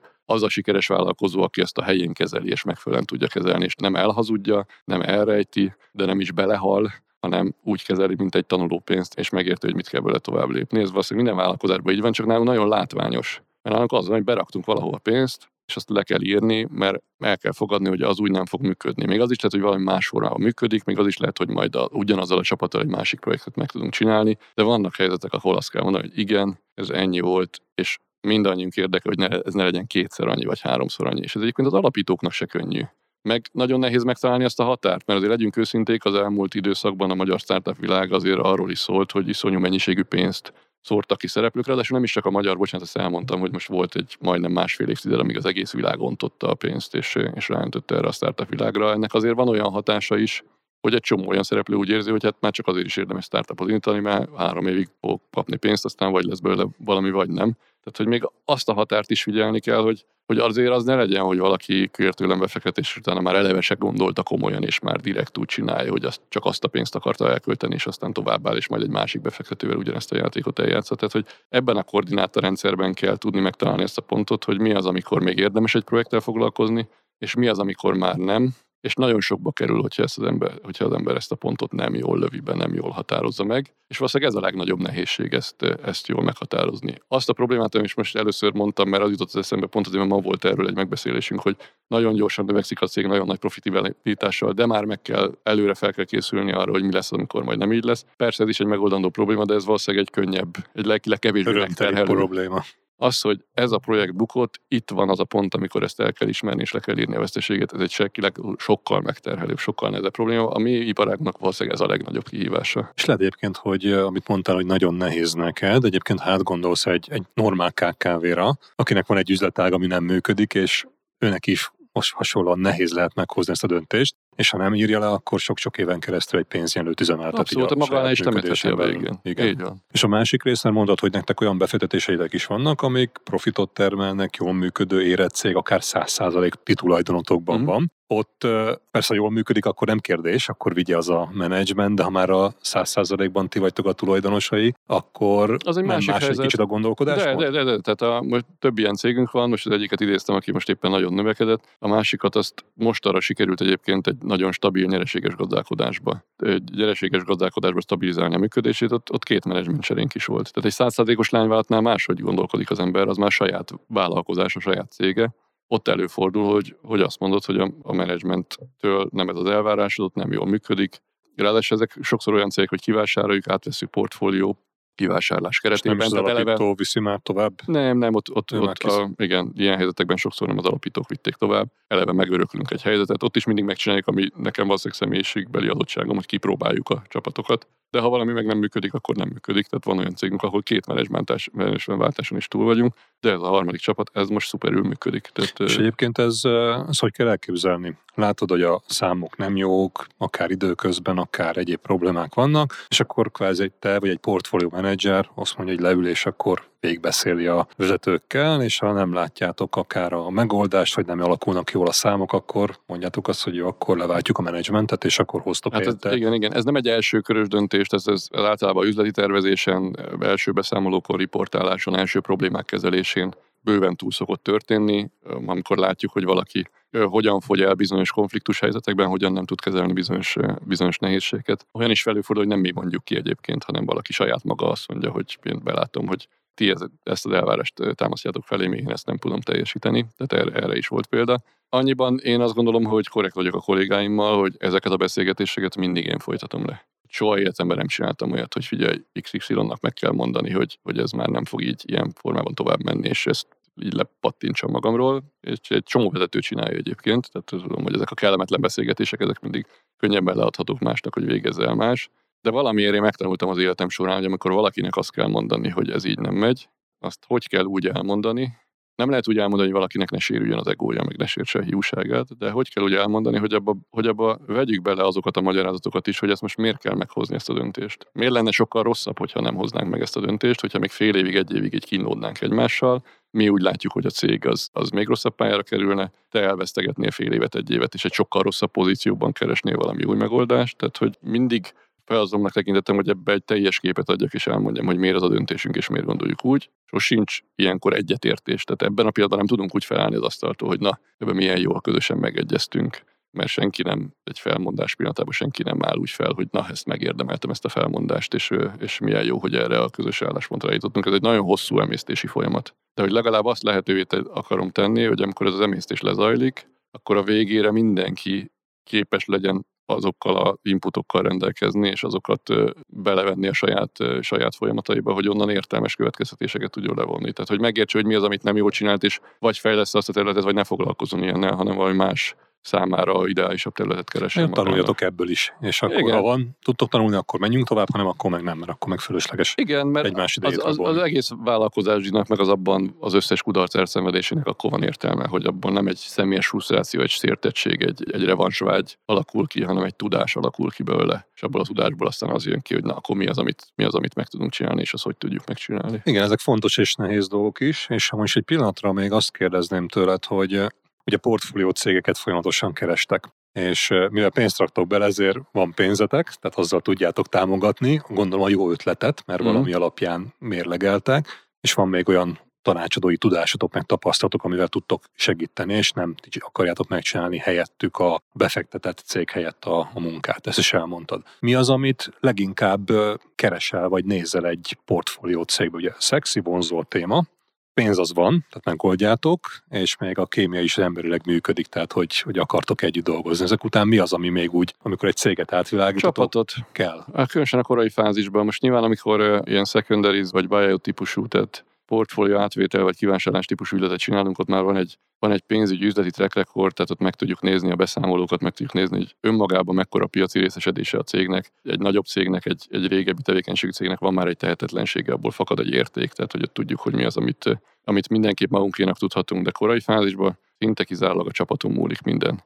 Soha nem úgy fog történni semmi, amit eredetileg egy ötlet kialakulásakor az, az emberek elterveznek. Minden azon fog múlni, hogy mi az, amit tanulnak, mi az, amire képesek, mi, mi az, amihez alkalmazkodni tudnak, mi az, amit felismernek, hogyan tudnak együttműködni egymással, hogyan tudnak együttműködni külső szereplőkkel. És ez a legképlékenyebb válasz, ez a legnehezebb, mert azt mondtam volna, hogy hát megnézzük az Excel táblát, és akkor, hogy abból megjön a, az évi 12%-os vagy 15%-os IRR, akkor, akkor zöld a lámpa, ha nem, akkor piros. De hát ha ez ilyen egyszerű lenne ez a befektetői szakma, akkor, akkor mindenki ezt csinálná. Hanem, hanem itt nagyon nehéz, nagyon komplex, és sokszor intuitív döntéseket kell meghozni, és nagyon sokat kell elhasalni, ezért van ez a mondás, ez a Learn Film Fest, hogy nem fogod tudni elkerülni, hogy néhány rossz étet tegyél, de azt úzd meg minél olcsóbban. És utána a következő alkalommal már hamarabb felismered, hogy mik azok a karakterisztikák, amik mellett nem szabad befektetni, vagy nem szabad kockázatot vállalni. De korai fázisban, amelyet nyilván megnézzük, hogy értelmetlenül nem akarunk befektetni, meg nem létező piacban nem akarunk befektetni, de alapvetően 80%-ban az embereket nézzük meg. Kik azok, akik ezt a befektetést, ezt sikerre akarják vinni és képesek lesznek-e sikerre vinni. Értelek, és ha nem egy ilyen kezdeti fázisú cégről beszélünk, hanem akár egy ilyen már működőnek az átvételéről, uh-huh. akkor szerintem nagyon sok cég küzd azzal Magyarországon, hogy mondjuk ha a csapat az ilyen fontos az elején, viszont a szervezettsége nem biztos, hogy olyan jó, még uh-huh. akkor sem, ha már mondjuk van egy track rekordja, és látsz számokat, meg árbevételt, mert mondjuk minden a tulajdonos alapító cégvezetőtől függ. Egy ilyen esetben ez például egy ilyen olyan alapvető kritérium, ami blokkolja is a kivásárlási lehetőséget, ha nincs egy struktúra, hogy minden egy függ, ez, ez már egy részesebb átvilágítás része, és lehet kezelni olyan helyzetet, amikor van egy, egy olyan egy személyi régi tulajdonos vezető, aki, akitől függött minden, de nekünk azt kell felmérni, hogy őt ki tudjuk-e váltani. Hogy van-e akkora piaci beágyazottság, van-e akkora meglévő kapcsolatrendszer, az, az átvehető-e, olyan módon, mert erre azért van, vannak kialakult gyakorlatok, hogy egy cég tovább vihető legyen. Ezt megnézzük egyedi cégek esetében, mert csinálunk egyedi kivásárlásokat, de valójában ahol egyedi kivásárlást csináltunk eddig, ott nem csináltunk menedzsmentváltást. Ott, ott kihoztunk egy céget egy olyan viszonyból, ahol a az operatív vezető az gyakorlatilag alá volt nyomva mindenféle stratégiai irányításnak, az operatív vezetőt megtettük első számú vezetőnek, és tök jól működik azóta a cég. De csináltunk olyan típusú kivásárlást, ahol egy portfólió részeként vettünk át. Egyébként ezek a legnehezebbek, mert ugye volt mondjuk pár éve egy olyan kivásárlásunk, ahol átvettünk öt céget.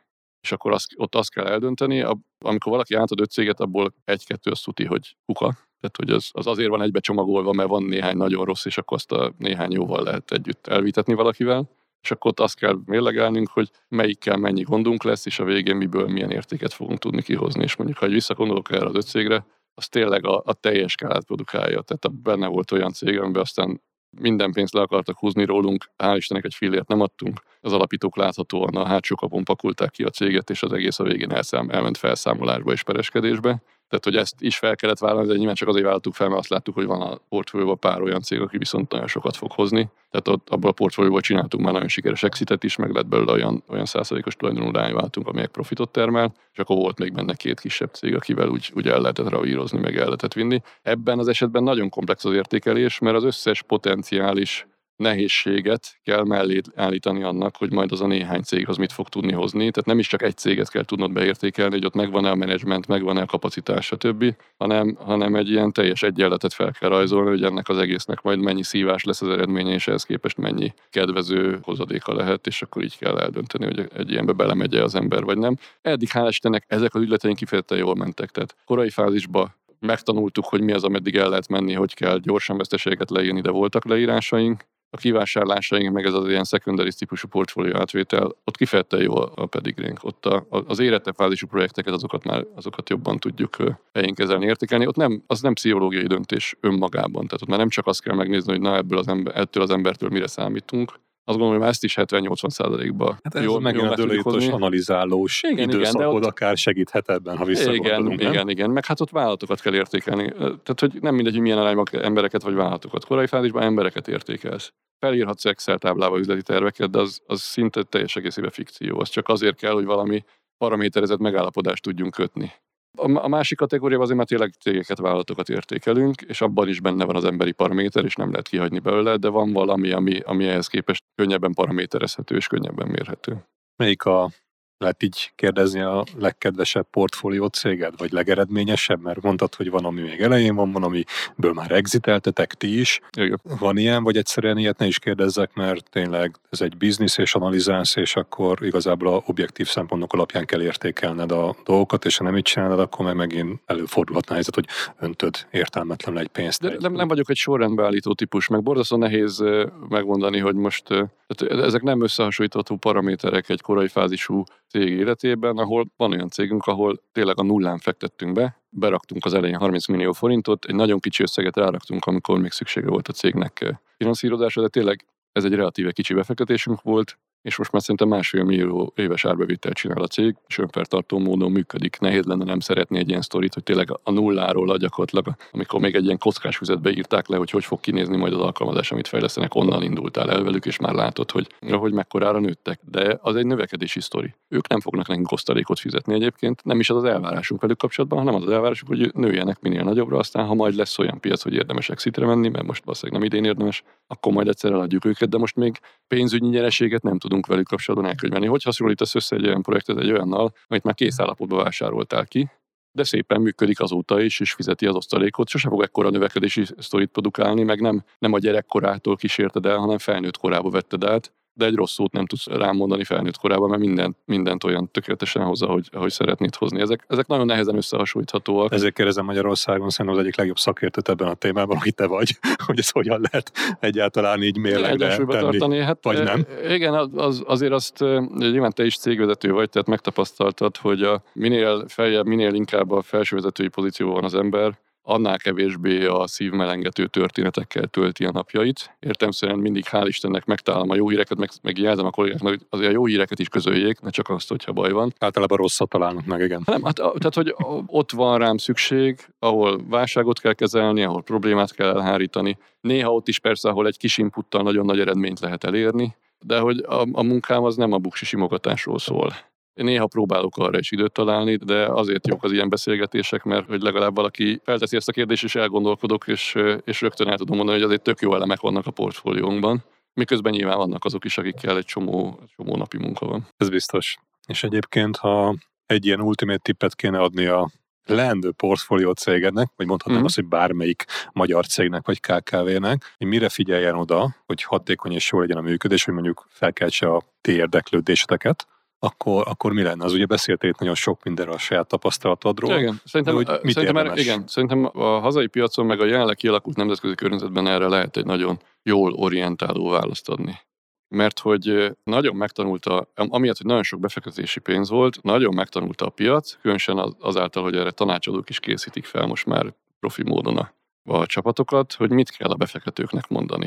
Tehát nagyon sok olyan csapat van, akit mintha így ö, skatujából húztak volna elő, gyakorlatilag teljes fegyverzetben megjelenik, és végigpörgeti a versenytárs analízist, a növekedési pályát fel van rajzolva a grafikonra, hogy hogy fog majd izé, 50-szeres árbevételt hozni. Már az is megvan, hogy ki fogja megvenni a céget, már minden előre meg van mondva. Tényleg azért, mert a befektetők alapvetően ezeket a kérdéseket teszik fel, tehát ők már előre tudják, hogy mik lesznek feltéve a kérdések, vagy milyen kérdések lesznek feltéve. Megtanították őket eladni saját magukat. Pontosan, de hogy, de hogy én, én nem ezt akarom látni. Én azt akarom látni, hogy ő egyáltalán a befektetővel akar foglalkozni, nem a befektetőt akarja kiszolgálni, nem az ő igényeinek a kiismerésével töltötte az elmúlt fél évét, hanem ő a termékével és a piacával foglalkozott. És azzal van nagyon képben, hogy ott milyen kihívásai lesznek, és hogy ott mekkorákat fog elhasalni, és ott, ott mit kell csinálnia. És a befektető, az, én nem azt mondom, hogy, hogy viselkedjen úgy, hogy pupa hátán, mert azért egy, azok, azoknak a cégébe tudunk befektetni, ahol látjuk, hogy van együttműködési hajlam. Tehát a másik, akit, akitől picit óckodunk, aki úgy jön be, hogy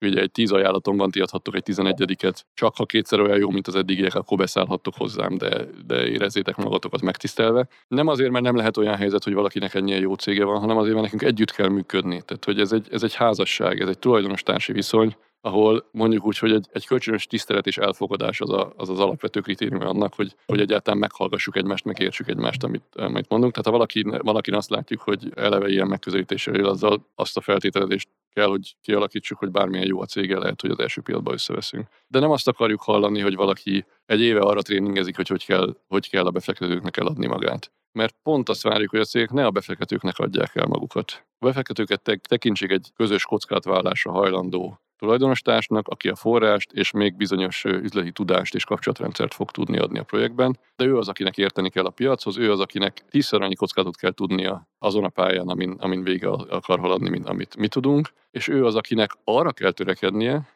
hogy neki minél kevesebb befektetői pénzre legyen szüksége, és minél inkább bevételből tartsa el magát. Ügyfeleinek adja el magát, Így van, egy életképes alapító, egy életképes vállalkozó, az megszakad azért, hogy a lehető legkevesebb pénzt kelljen befektetőtől kérnie, hiszen ezért át kell adnia a profitját, át kell adnia azt, Nagyon- amire nagyon drága dolgozik. pénz, ugye? Az nagyon drága pénz, így van, és minél nagyobb arányban ő a bevételéből tudja finanszírozni, előfinanszírozni magát. Mi ezt szeretnénk látni, hogy ő nem azon gondolkodik, hogy tehát láttunk egy csomó ilyen profi előadást, ami mindenre válaszolt, azt mondta, hogy egy millió euróra van szüksége. Akkor hogy kiszámoltuk, és azt mondta, hogy sehogy nem jön ki. Tehát, hogy még nem is látjuk az életerről, hogy mi a fenére költöd azt az egy millió eurót.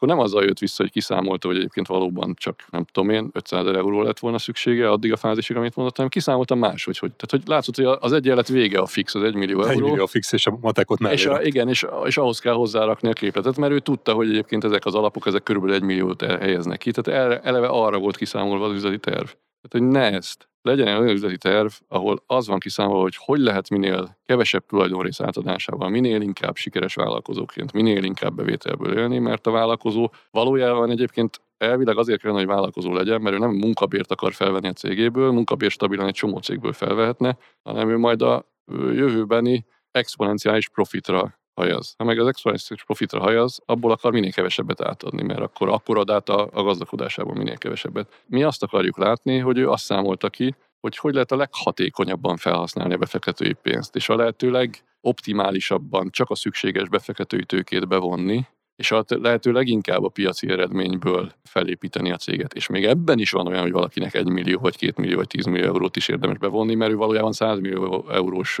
bevételt fog majd valamikor elérni, és arra érdemes ennyi pénzt bevonni. De arra bevonni, nem tudom én, 100 millió forintot, hogy valaki aztán abból havi 1 millió forint bevételt csináljon, annak semmi értelme. Tehát az, az mindenkinek rossz üzlet, nem csak a befektetőnek, hanem az alapítónak is, mert a végén semmi nem marad a cégéből, mert egy ilyen rossz teljesítmény mellett gyakorlatilag a, a teljes megtérülést át kell adni a, a befektetőknek. És tehát én azt szeretném látni a portfólió cégeken, hogy ő nem arra optimalizál, hogy minél több legyen a befektetett tőke, mert pontosan tudja, hogy az, azzal ő veszít. Hogyha valóban egyébként sikeres, profitábilis vállalkozást akar építeni. Ha nem azt akar, akkor a befektetői pénzre fog optimalizálni, csak akkor meg nekünk semmi keresni valunk a projektben, mert abból sikeres projekt befektetés kereső. Így van. Ha így nézzük. Így van. És egyébként ez, amit mondtál, ez a gondolkodásmód, ugye most beszéltünk olyan kvázi startupról, vagy, vagy olyan befektetést kereső cégről, akivel te beszélnél, de ha ő nem keres befektetést, hanem csak egy normál átlagos KKV-ről beszélünk, egy magyar cégről, Uh-huh. neki is ugyanígy kéne gondolkodnia? Mert az, hogy mostan pénzre van szükség, vagy nem, az csak egy kérdés, hogy ez most befektetés, vagy kölcsön, vagy hitel, vagy bármi. De ez az alapvetés, amit mondtál, ez, ez valószínűleg ez sokkal fontosabb, mint Sokkal a... fontosabb, és ugyanígy, ugyanilyen egyszerűen képletezhető, külső forrást olyan módon érdemes bevonni, hogy az előre láthatóan kitermeli a költségét, és többet termel ki, mint a saját költsége. Ha csak a költségét termelte ki, tehát ha csak egy olyan hitelt vettem fel, amivel egy olyan beruházást csinálok meg, amiből éppen vissza tudom fizetni a hitelt a kamatokkal, akkor a végén nullába vagyok, egy fillért nem kerestem, és egy csomó munkám rá, ráment. Tehát annak semmi értelme. Tehát azt kell tudni kiszámolni, egy hitelnél és egy kamatnál valószínűleg egyszerűbben kiszámolható, de valójában egy befektetésnél is, egy befektetőként is kiszámolható, mert a befektetőnek mindig van egy hozam elvárása és egy hozam elsőbség, amivel pontosan kiszámolható, hogy mennyit fog a végén elvinni, vagy akarni elvinni, hogy az a pénz, amit behozott valaki, az mennyit fog termelni. Most egy termelő beruházásnál ez nyilván egyel egyszerűbben kiszámoltad, de azért az, ott is vannak bizonytalansági tényezők, amikor valaki munkabérre, nem tudom, én, marketingre, ilyesmire költi, akkor egyel nehezebben, de legalább megközelítőleg mindenki próbálja kiszámolni azt, hogy amit pénzt behoz, az mennyibe fog kerülni, és mennyit fog hozni. Azért ne hozzon be pénzt, mert hogy akkor most lesz a bankszámlán három évig pénz, mert a végén sokkal többe fog neki kerülni, mint hogyha eredetileg nem hozta volna be. Lehet, hogy kicsit keservesnek tűnik az a két-három év, amíg külső finanszírozás nélkül haladt, de a végén lesz egy működő vállalkozása, ha meg behozta a pénzt, akkor meg nem lesz. Van egy érdekes, nem konkrét statisztikai adat, csak így körülbelül ilyen nagyságrendi tudás a magyar piacról, picit visszakanyarodva a kockázati tőkebefektetésekhez. Nagyon sok ünnepelt exit van ma Magyarországon, csomó nyilvánosan forgó társág név, amit nagy cégek felvásároltak, sose tudni, hogy pontosan mennyiért, de viszonylag nagy értéken. Körülbelül lehet tudni, hogy mennyiért, és általában ezeknél a cégeknél körülbelül azt is lehet tudni, hogy mennyi befektetői pénz ment beléjük. És egy kockázati tőkebefektető mindig úgy rakja be a pénzét, hogy azt mondja, hogy ennyi tőkét berakok, és van rajta 15, 20, 25, extrém esetben 30%-os hozamelvárásom, és erre hozamelsőbséget is kérek. Ami azt jelenti, hogy amikor eladjuk a céget, akkor kiszámoljuk, hogy én mennyit raktam bele, kiszámoljuk, hogy arra a hozamelvárásommal növelten mennyi pénzt kell kapnom, és a befolyó exit bevételből először ennyém ez a pénz. És majd csak azon osztozkodunk, ami ezután marad. Ott különböző szabályok vannak, hogy azt tulajdoni arányosan osztják, vagy először megkapja az alapító a saját részét, és a maradékon osztozkodnak. Hogy van egy ilyen hozamelsőbség, aminek az az eredmény, hogyha valaki túl sok pénzt von be, túl nagy pénzen kell ezt a hozam elvárás számítani, akkor simán lehet, hogy a végén hiába csinál egy jó exitet, tulajdoni arányos részesedését nem kapja meg az exitből, mert relatíve magas bevont finanszírozást előbb ki kell fizetni a befektetőnek. Ha valaki a bevont pénzt nem tudja kellően nagy növekedésre fordítani, és nem elég nagy a cégérték növekedés, akkor hiába marad mondjuk nem tudom én 50%-os tulajdonos a cégében, lehet, hogy csak az exit érték 20%-át kapja meg. És a hazai egyébként ismert és sokszor ünnepelt exitek többségében az alapítók nem kapták meg tulajdoni arányos pénzüket, hanem a befektető több pénzt vitt el hozamelsőbséggel. Ugye itt azért van, mert te is, meg mint bárki gondolom, ugye x évre tervez a befektetést, meg a megtérülést, és mondjuk lehetett hallani, hogy ilyen, ilyen 5 éves nagyságrendileg a befektetett pénz, meg az exit elvárás. És a valóság az, amit lehet hallani a sztorikról, én is beszélgettem többekkel, inkább ilyen 10 éves az a reális időtáv, amíg egy exitre el tud, vagy akár még több,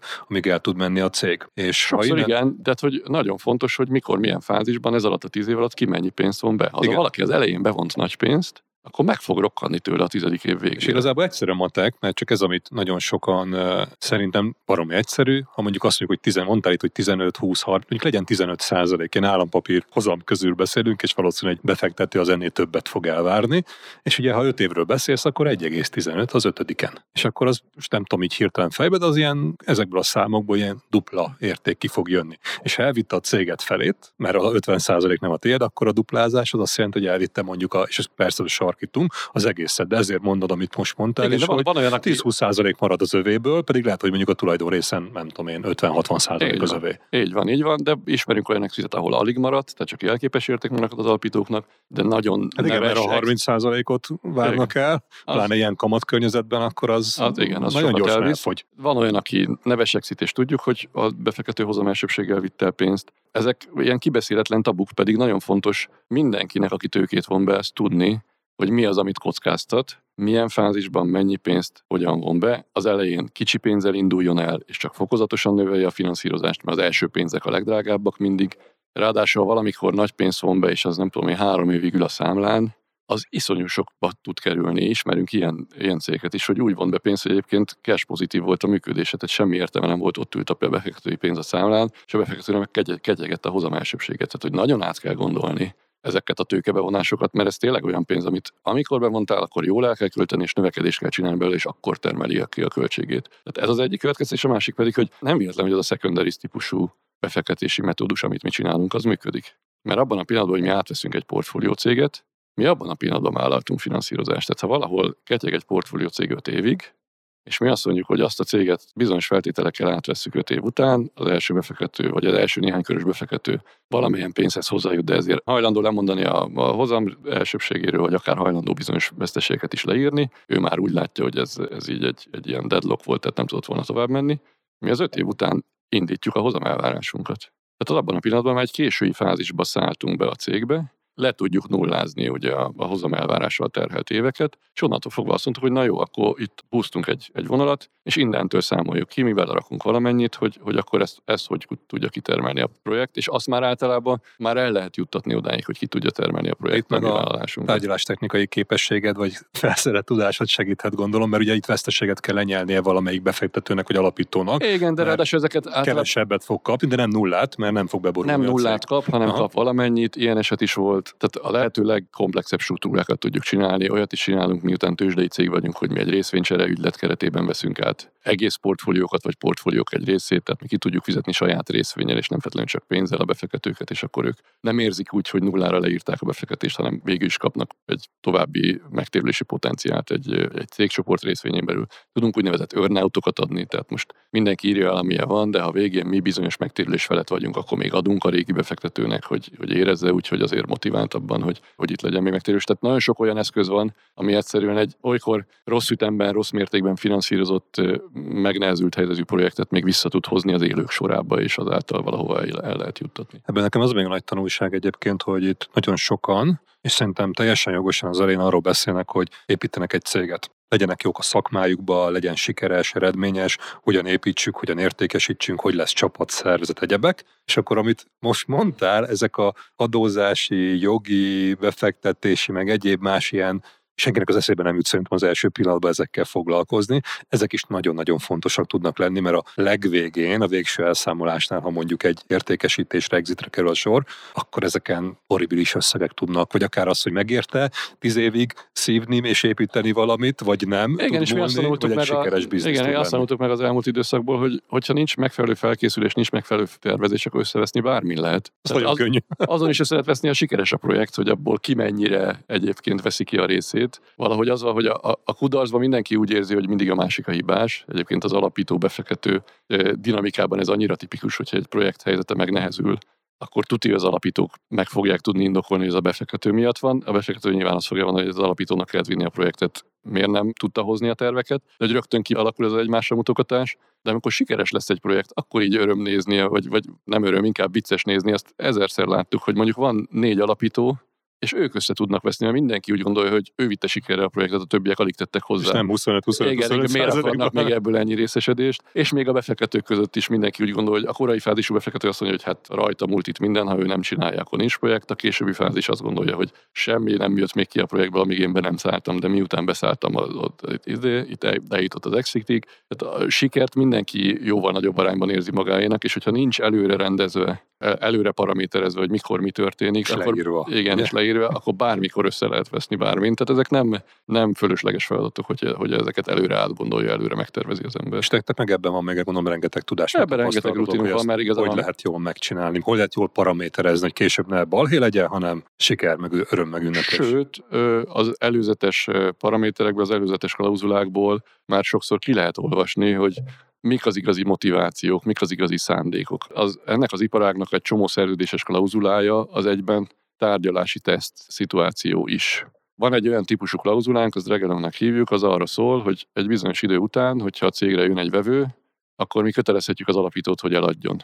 Mert nekünk, tehát eh, mi nem, együtt. persze, tehát mi nem hitelt adunk, nekünk nincs folyamatos visszafizetés, mi egy fillérbevételt nem kapunk addig, amíg valaki nem veszi meg a részesedésünket. Már pedig egy cégre csomószor úgy van vevő, hogy az az egész céget akarja, nem csak a befektető részesedését. Tehát ha valaki jön és azt mondja, 8 év után, hogy megveszem a 100%-ot, ráadásul jó értéken, tehát úgy, hogy nekünk is bőven megtérülésünk van, akkor nem mondhassa azt az alapító, hogy ja, de hát én ezt sose akartam eladni. Az elején azt mondtam nektek, hogy majd lesz exit, de igazából én ebbe benne akarok maradni. Tehát az elején lerakjuk a szerződésbe, hogy itt van egy olyan jogunk, hogy 8 év múlva, ha van egy ilyen értékű ajánlat, akkor mi kötelezhetünk téged, hogy eladjuk. És hogyha nem írja alá az illető, akkor valójában már most tudja, hogy ő nem akar olyan helyzetbe kerülni később, hogy neki el kelljen adni a céget. Ugye van egy ilyen egyszerűsített ökörszabály kockázati tőké befektető körében, hogy ne fektess be olyan cégbe, amivel, amit az alapító saját magáról nevezett el. Hogy ezt nem biztos, hogy öt év múlva el akarja majd adni. Ez nyilván egy ilyen leegyszerűsítés, ezt valószínűleg nem kell ennyire komolyan venni, de azt, hogyha valaki nem írja alá ezt a regelünk jogot, mert azt mondja, hogy nem akar olyan helyzetbe kerülni, hogy el kelljen adni a céget, az a cég nem alkalmas kockázati tőkebefektetésre. Egy csomó minden más alkalmas lehet, de egy kockázati tőkebefektető nem tud belőle pénzt csinálni. De a hozam elsőbség is ugyanilyen. Tehát ha egy alapító azt mondja, hogy ő nem vállalja hogy a befektetőnek legyen, nem tudom én, legalább 15-20%-os hozama, hiszen ki tudja, hogy ez a cég majd 6 év múlva, 7 év múlva eléri azt az exit értéket, akkor rögtön visszadobta saját magának a labdát, hogy ja, hogy nem biztos, hogy ez a cég ez eléri azt az Nem értéket. benne már most, ha? Akkor te se hiszed el? Akkor miért mondod, hogy ez a cég ér annyit, és az én pénzemért 20% részesedést adsz? Hiszen ha azt az értéket nem éri el csak a felét, amikor már a hozam elsőbségemet le kell, hogy hívjam, akkor nekem most ez a pénzem ez nem ennyit ér, hanem sokkal nagyobb részesedést kéne adni. Ne adj Isten, ha már többséget, akkor nem is érdemes befektetni, mert nem lesz a cégből semmi. Tehát ezek, ezek az előzetes tárgyalások, amik lényegében a végső forgatókönyvek felvázolására valók, ezek tökéletesek arra is, hogy a felek azok felmérjék az egymás valós szándékát, és olyan helyzetbe hozzák egymást, hogy, hogy látszódjon, hogy bizonyos szituációkban egyébként mit fognak csinálni. És enélkül szerintem életveszély megállapodni, mert azért ez a, ez a műfaj, ez egy teljesen előre paraméterezhetetlen, kiszámíthatatlan pálya, ahol a legszélsőségesebb esetben tudnunk kell egymásról, hogy ki hogy fog viselkedni. De ez nagyon fontos volt, mert nagyon tanulságos, meg gondolatébresztő, hogy nem csak azt kell nézni, hogy mennyi és hány százalék, hanem ezeket a szempontrendszereket is mellé rakni, mert igazából Adott esetben hogy fogunk a eljárni? papír, ami mindenki azt gondolja, írjuk alá, mert forma... nem, ez pont, hogy nem formaság, hanem akár még a tárgyalás technikai alapok, meg a megállapodásnak a részedei is ott vannak benne, és kiderülhet, hogy akkor go vagy no go egy ilyen tranzakció. Nagyon jó, és hát nagyon érdekes volt, és most így visszagondolok arra, hogy itt miről is Hogy, hogy beszéltünk. tudod ezt összegezni? Összegezni mindig tudom, itt az a kérdés, hogy mit emeljünk ki belőle, mert most nem akarom még egy órán keresztül visszaidézni, mert annyi érdekes és annyi tanulságos dolog volt benne, de hogy onnan elindultál, hogy egy tanácsadói területen elértél egy nagyon sikeres karriert, és első számvezető lettél, és ott is, amit mondtál, hogy nem csak a szakmai dolgok, meg az analizálás, ami ma is valószínűleg egy nagyon erős, meg egy fontos képesség, amit alkalmazol, de talán az volt a legfontosabb, hogy tudjad az embereket és a csapatot menedzselni, de leginkább az, hogy ami megragad bennem, hogy rá arra kondicionált téged ez az adó tanácsadói szakma, hogy minden évben változás lesz, és azt megszog, és utána beléd épül az, hogy erre reagálni és alkalmazkodni kell, és igazából szerintem sokan mondják, hogy ki a túlélő, aki a legjobban alkalmazkodik. Van. És utána kiegészítve az, aki a leggyorsabban, ugye, aznak a sok alkalmazkodó játékos között is az lesz az igazából az első szereplő. Utána, amikor már eljutottál oda, hogy kvázi elértél mindent, és benne voltál az, hogy akkor egy ilyen burokba zárva, egy ilyen nagyon, hát nem tudom, most mondjuk egy nyugis, vagy biztos, hogy annak is megvannak a kihívásai, életet élve, otthon ragadj ebbe a nemzetközi tanácsadói területen, mindenféle vezetői regionális pozíció, helyett inkább azt választhatod, hogy megint egy új területen kipróbáld magad, ahol megint új szerű dolgokat néztél meg, és, és hát a saját magad által felállított sikerkritériumoknak meg tudtál felelni, és a politikai pályából is igazából a szakmai dolgokat vetted ki, és arról tudtunk beszélni, és itt a tárgyalás technikai dolog volt az, ami, amit hát tényleg, amiket elmondtál példákat, azt valószínűleg így a normál üzleti életben ritkán áll úgy minden egybe, Igen. és hogy elkezdjük összerakni a dolgokat, akkor kipróbáltad magad egy új területen a kockázati tőkebefektetés, ami ugye teljesen logikus, ami hogy pénz, meg adótanácsadás is, meg minden erre utalt rá, és ott is kipróbáltad magad egy területen, az OTP keretein belül, de már ott is meg volt benned az, hogy a saját magadat meg akarod csinálni és megvalósítani, hogy de képes vagy arra, hogy nem csak egy nagy már működő szervezetben vagy képes fejleszteni,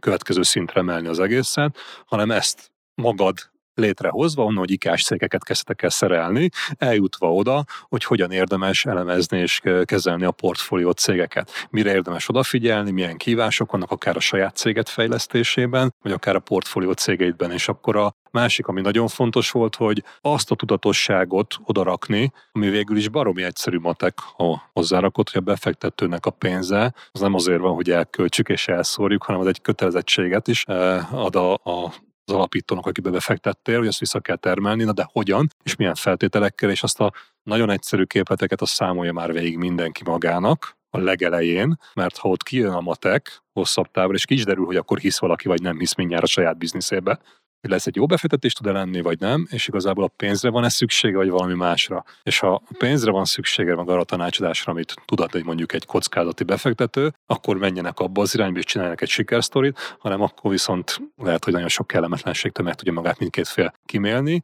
és ha így ezeket a apró gondolatokat, meg tippeket, praktikákat összerakjuk, akkor te is most mondhattuk, hogy az a mondás, hogy az ügyfélpénz, az ügyfél legjobb befektetőd, mert az ő pénzéből fejleszd a termékedet, a cégedet, azzal egyetértesz, még úgy is, hogy ez kvázi egy kicsit a saját bizniszednek konkurenciája, viszont innentől kezdve, ha egy olyan jól működő cégbe raktok pénzt, ahol ez megvan, akkor abból tényleg egy valós sikersztori tud lenni. Úgyhogy szerintem egy nagyon tanulságos volt és sokrétű beszélgetés, amiről Nagyon összefoglaltad, gratulálok. Jó, jól szintetizált. Köszönöm szépen, és remélem, hogy ez nem csak így nekem, hogy bennem maradt meg. Neked tök jó, mert ezt te túlélted, a te, vagy átélted ez a te utad, hogy ott volt, de remélem, hogy a hallgatók és a mindenféle érettségi szinten lévő cég is ki tudja ebből venni a saját magának legfontosabb információt, mert igazából erről szól az egész cégépítők, hogy próbáljuk ezt a tudás sokszínű, sokrétű tudást átadni nekik, és hát bízom benne, hogy hasznos volt a mai alkalom is nem csak nekem, hanem minden hallgatónknak. Én is remélem, hogy így volt, és köszönöm a meghívást. Köszönöm, hogy itt voltál. Sziasztok! Ja, sziasztok! Érdekel részletesen, hogy Oszkó Péter az Oxo Holdings cégépítője milyen folyamatoknak és rendszereknek köszönhetően érte el eddigi sikereit? A választ a cégépítő blogjában találod. A linket keresd az epizód leírásában. A következő adás vendége Patai Zoltán, a Flawless cégépítője. Hallgass bele! Igazából a siker nem azon fog múlni, hogy kidolgozik ne több órát, mert ez véges, és az embernek a szervezete is véges, hanem inkább az, hogy a legnagyobb hatással, vagy hatási potenciállal rejlő feladatokon dolgozzál. Az életemben valószínűleg lesz egy pár lehetőség vállalkozást építeni. Nekem nem az a lényeg, hogy most akkor a végén ebből 1 milliárd, 100 milliárd, vagy még több pénz lesz, hanem inkább az, hogy elérjem azt, hogy valamit magam felépítettem az előző kettő karrierlépéssel szemben, ahol folyamatos sikerek, pozitív megerősítés napon belül is történt. Itt egy startupnál igazából sikertelenség, sikertelenség, sikertelenség, tanulás, sikertelenség, és némi apró siker, és, és ezek az apró sikerek is mondjuk elég ritkán jönnek, és ezt kell tudni kezelni.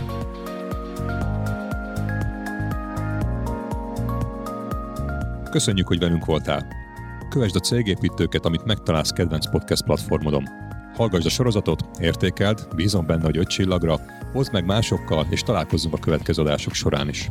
Látogass el a Cégépítő blogjára, ahol olyan értékes információkhoz juthatsz, amik segítenek mindennapjét és a céget sikeresebbé tételében. Tanulj és inspirálódj velünk, legyél jobb minden nappal. Én Egerszék Krisztián vagyok, és ez itt a Cégépítő Podcast.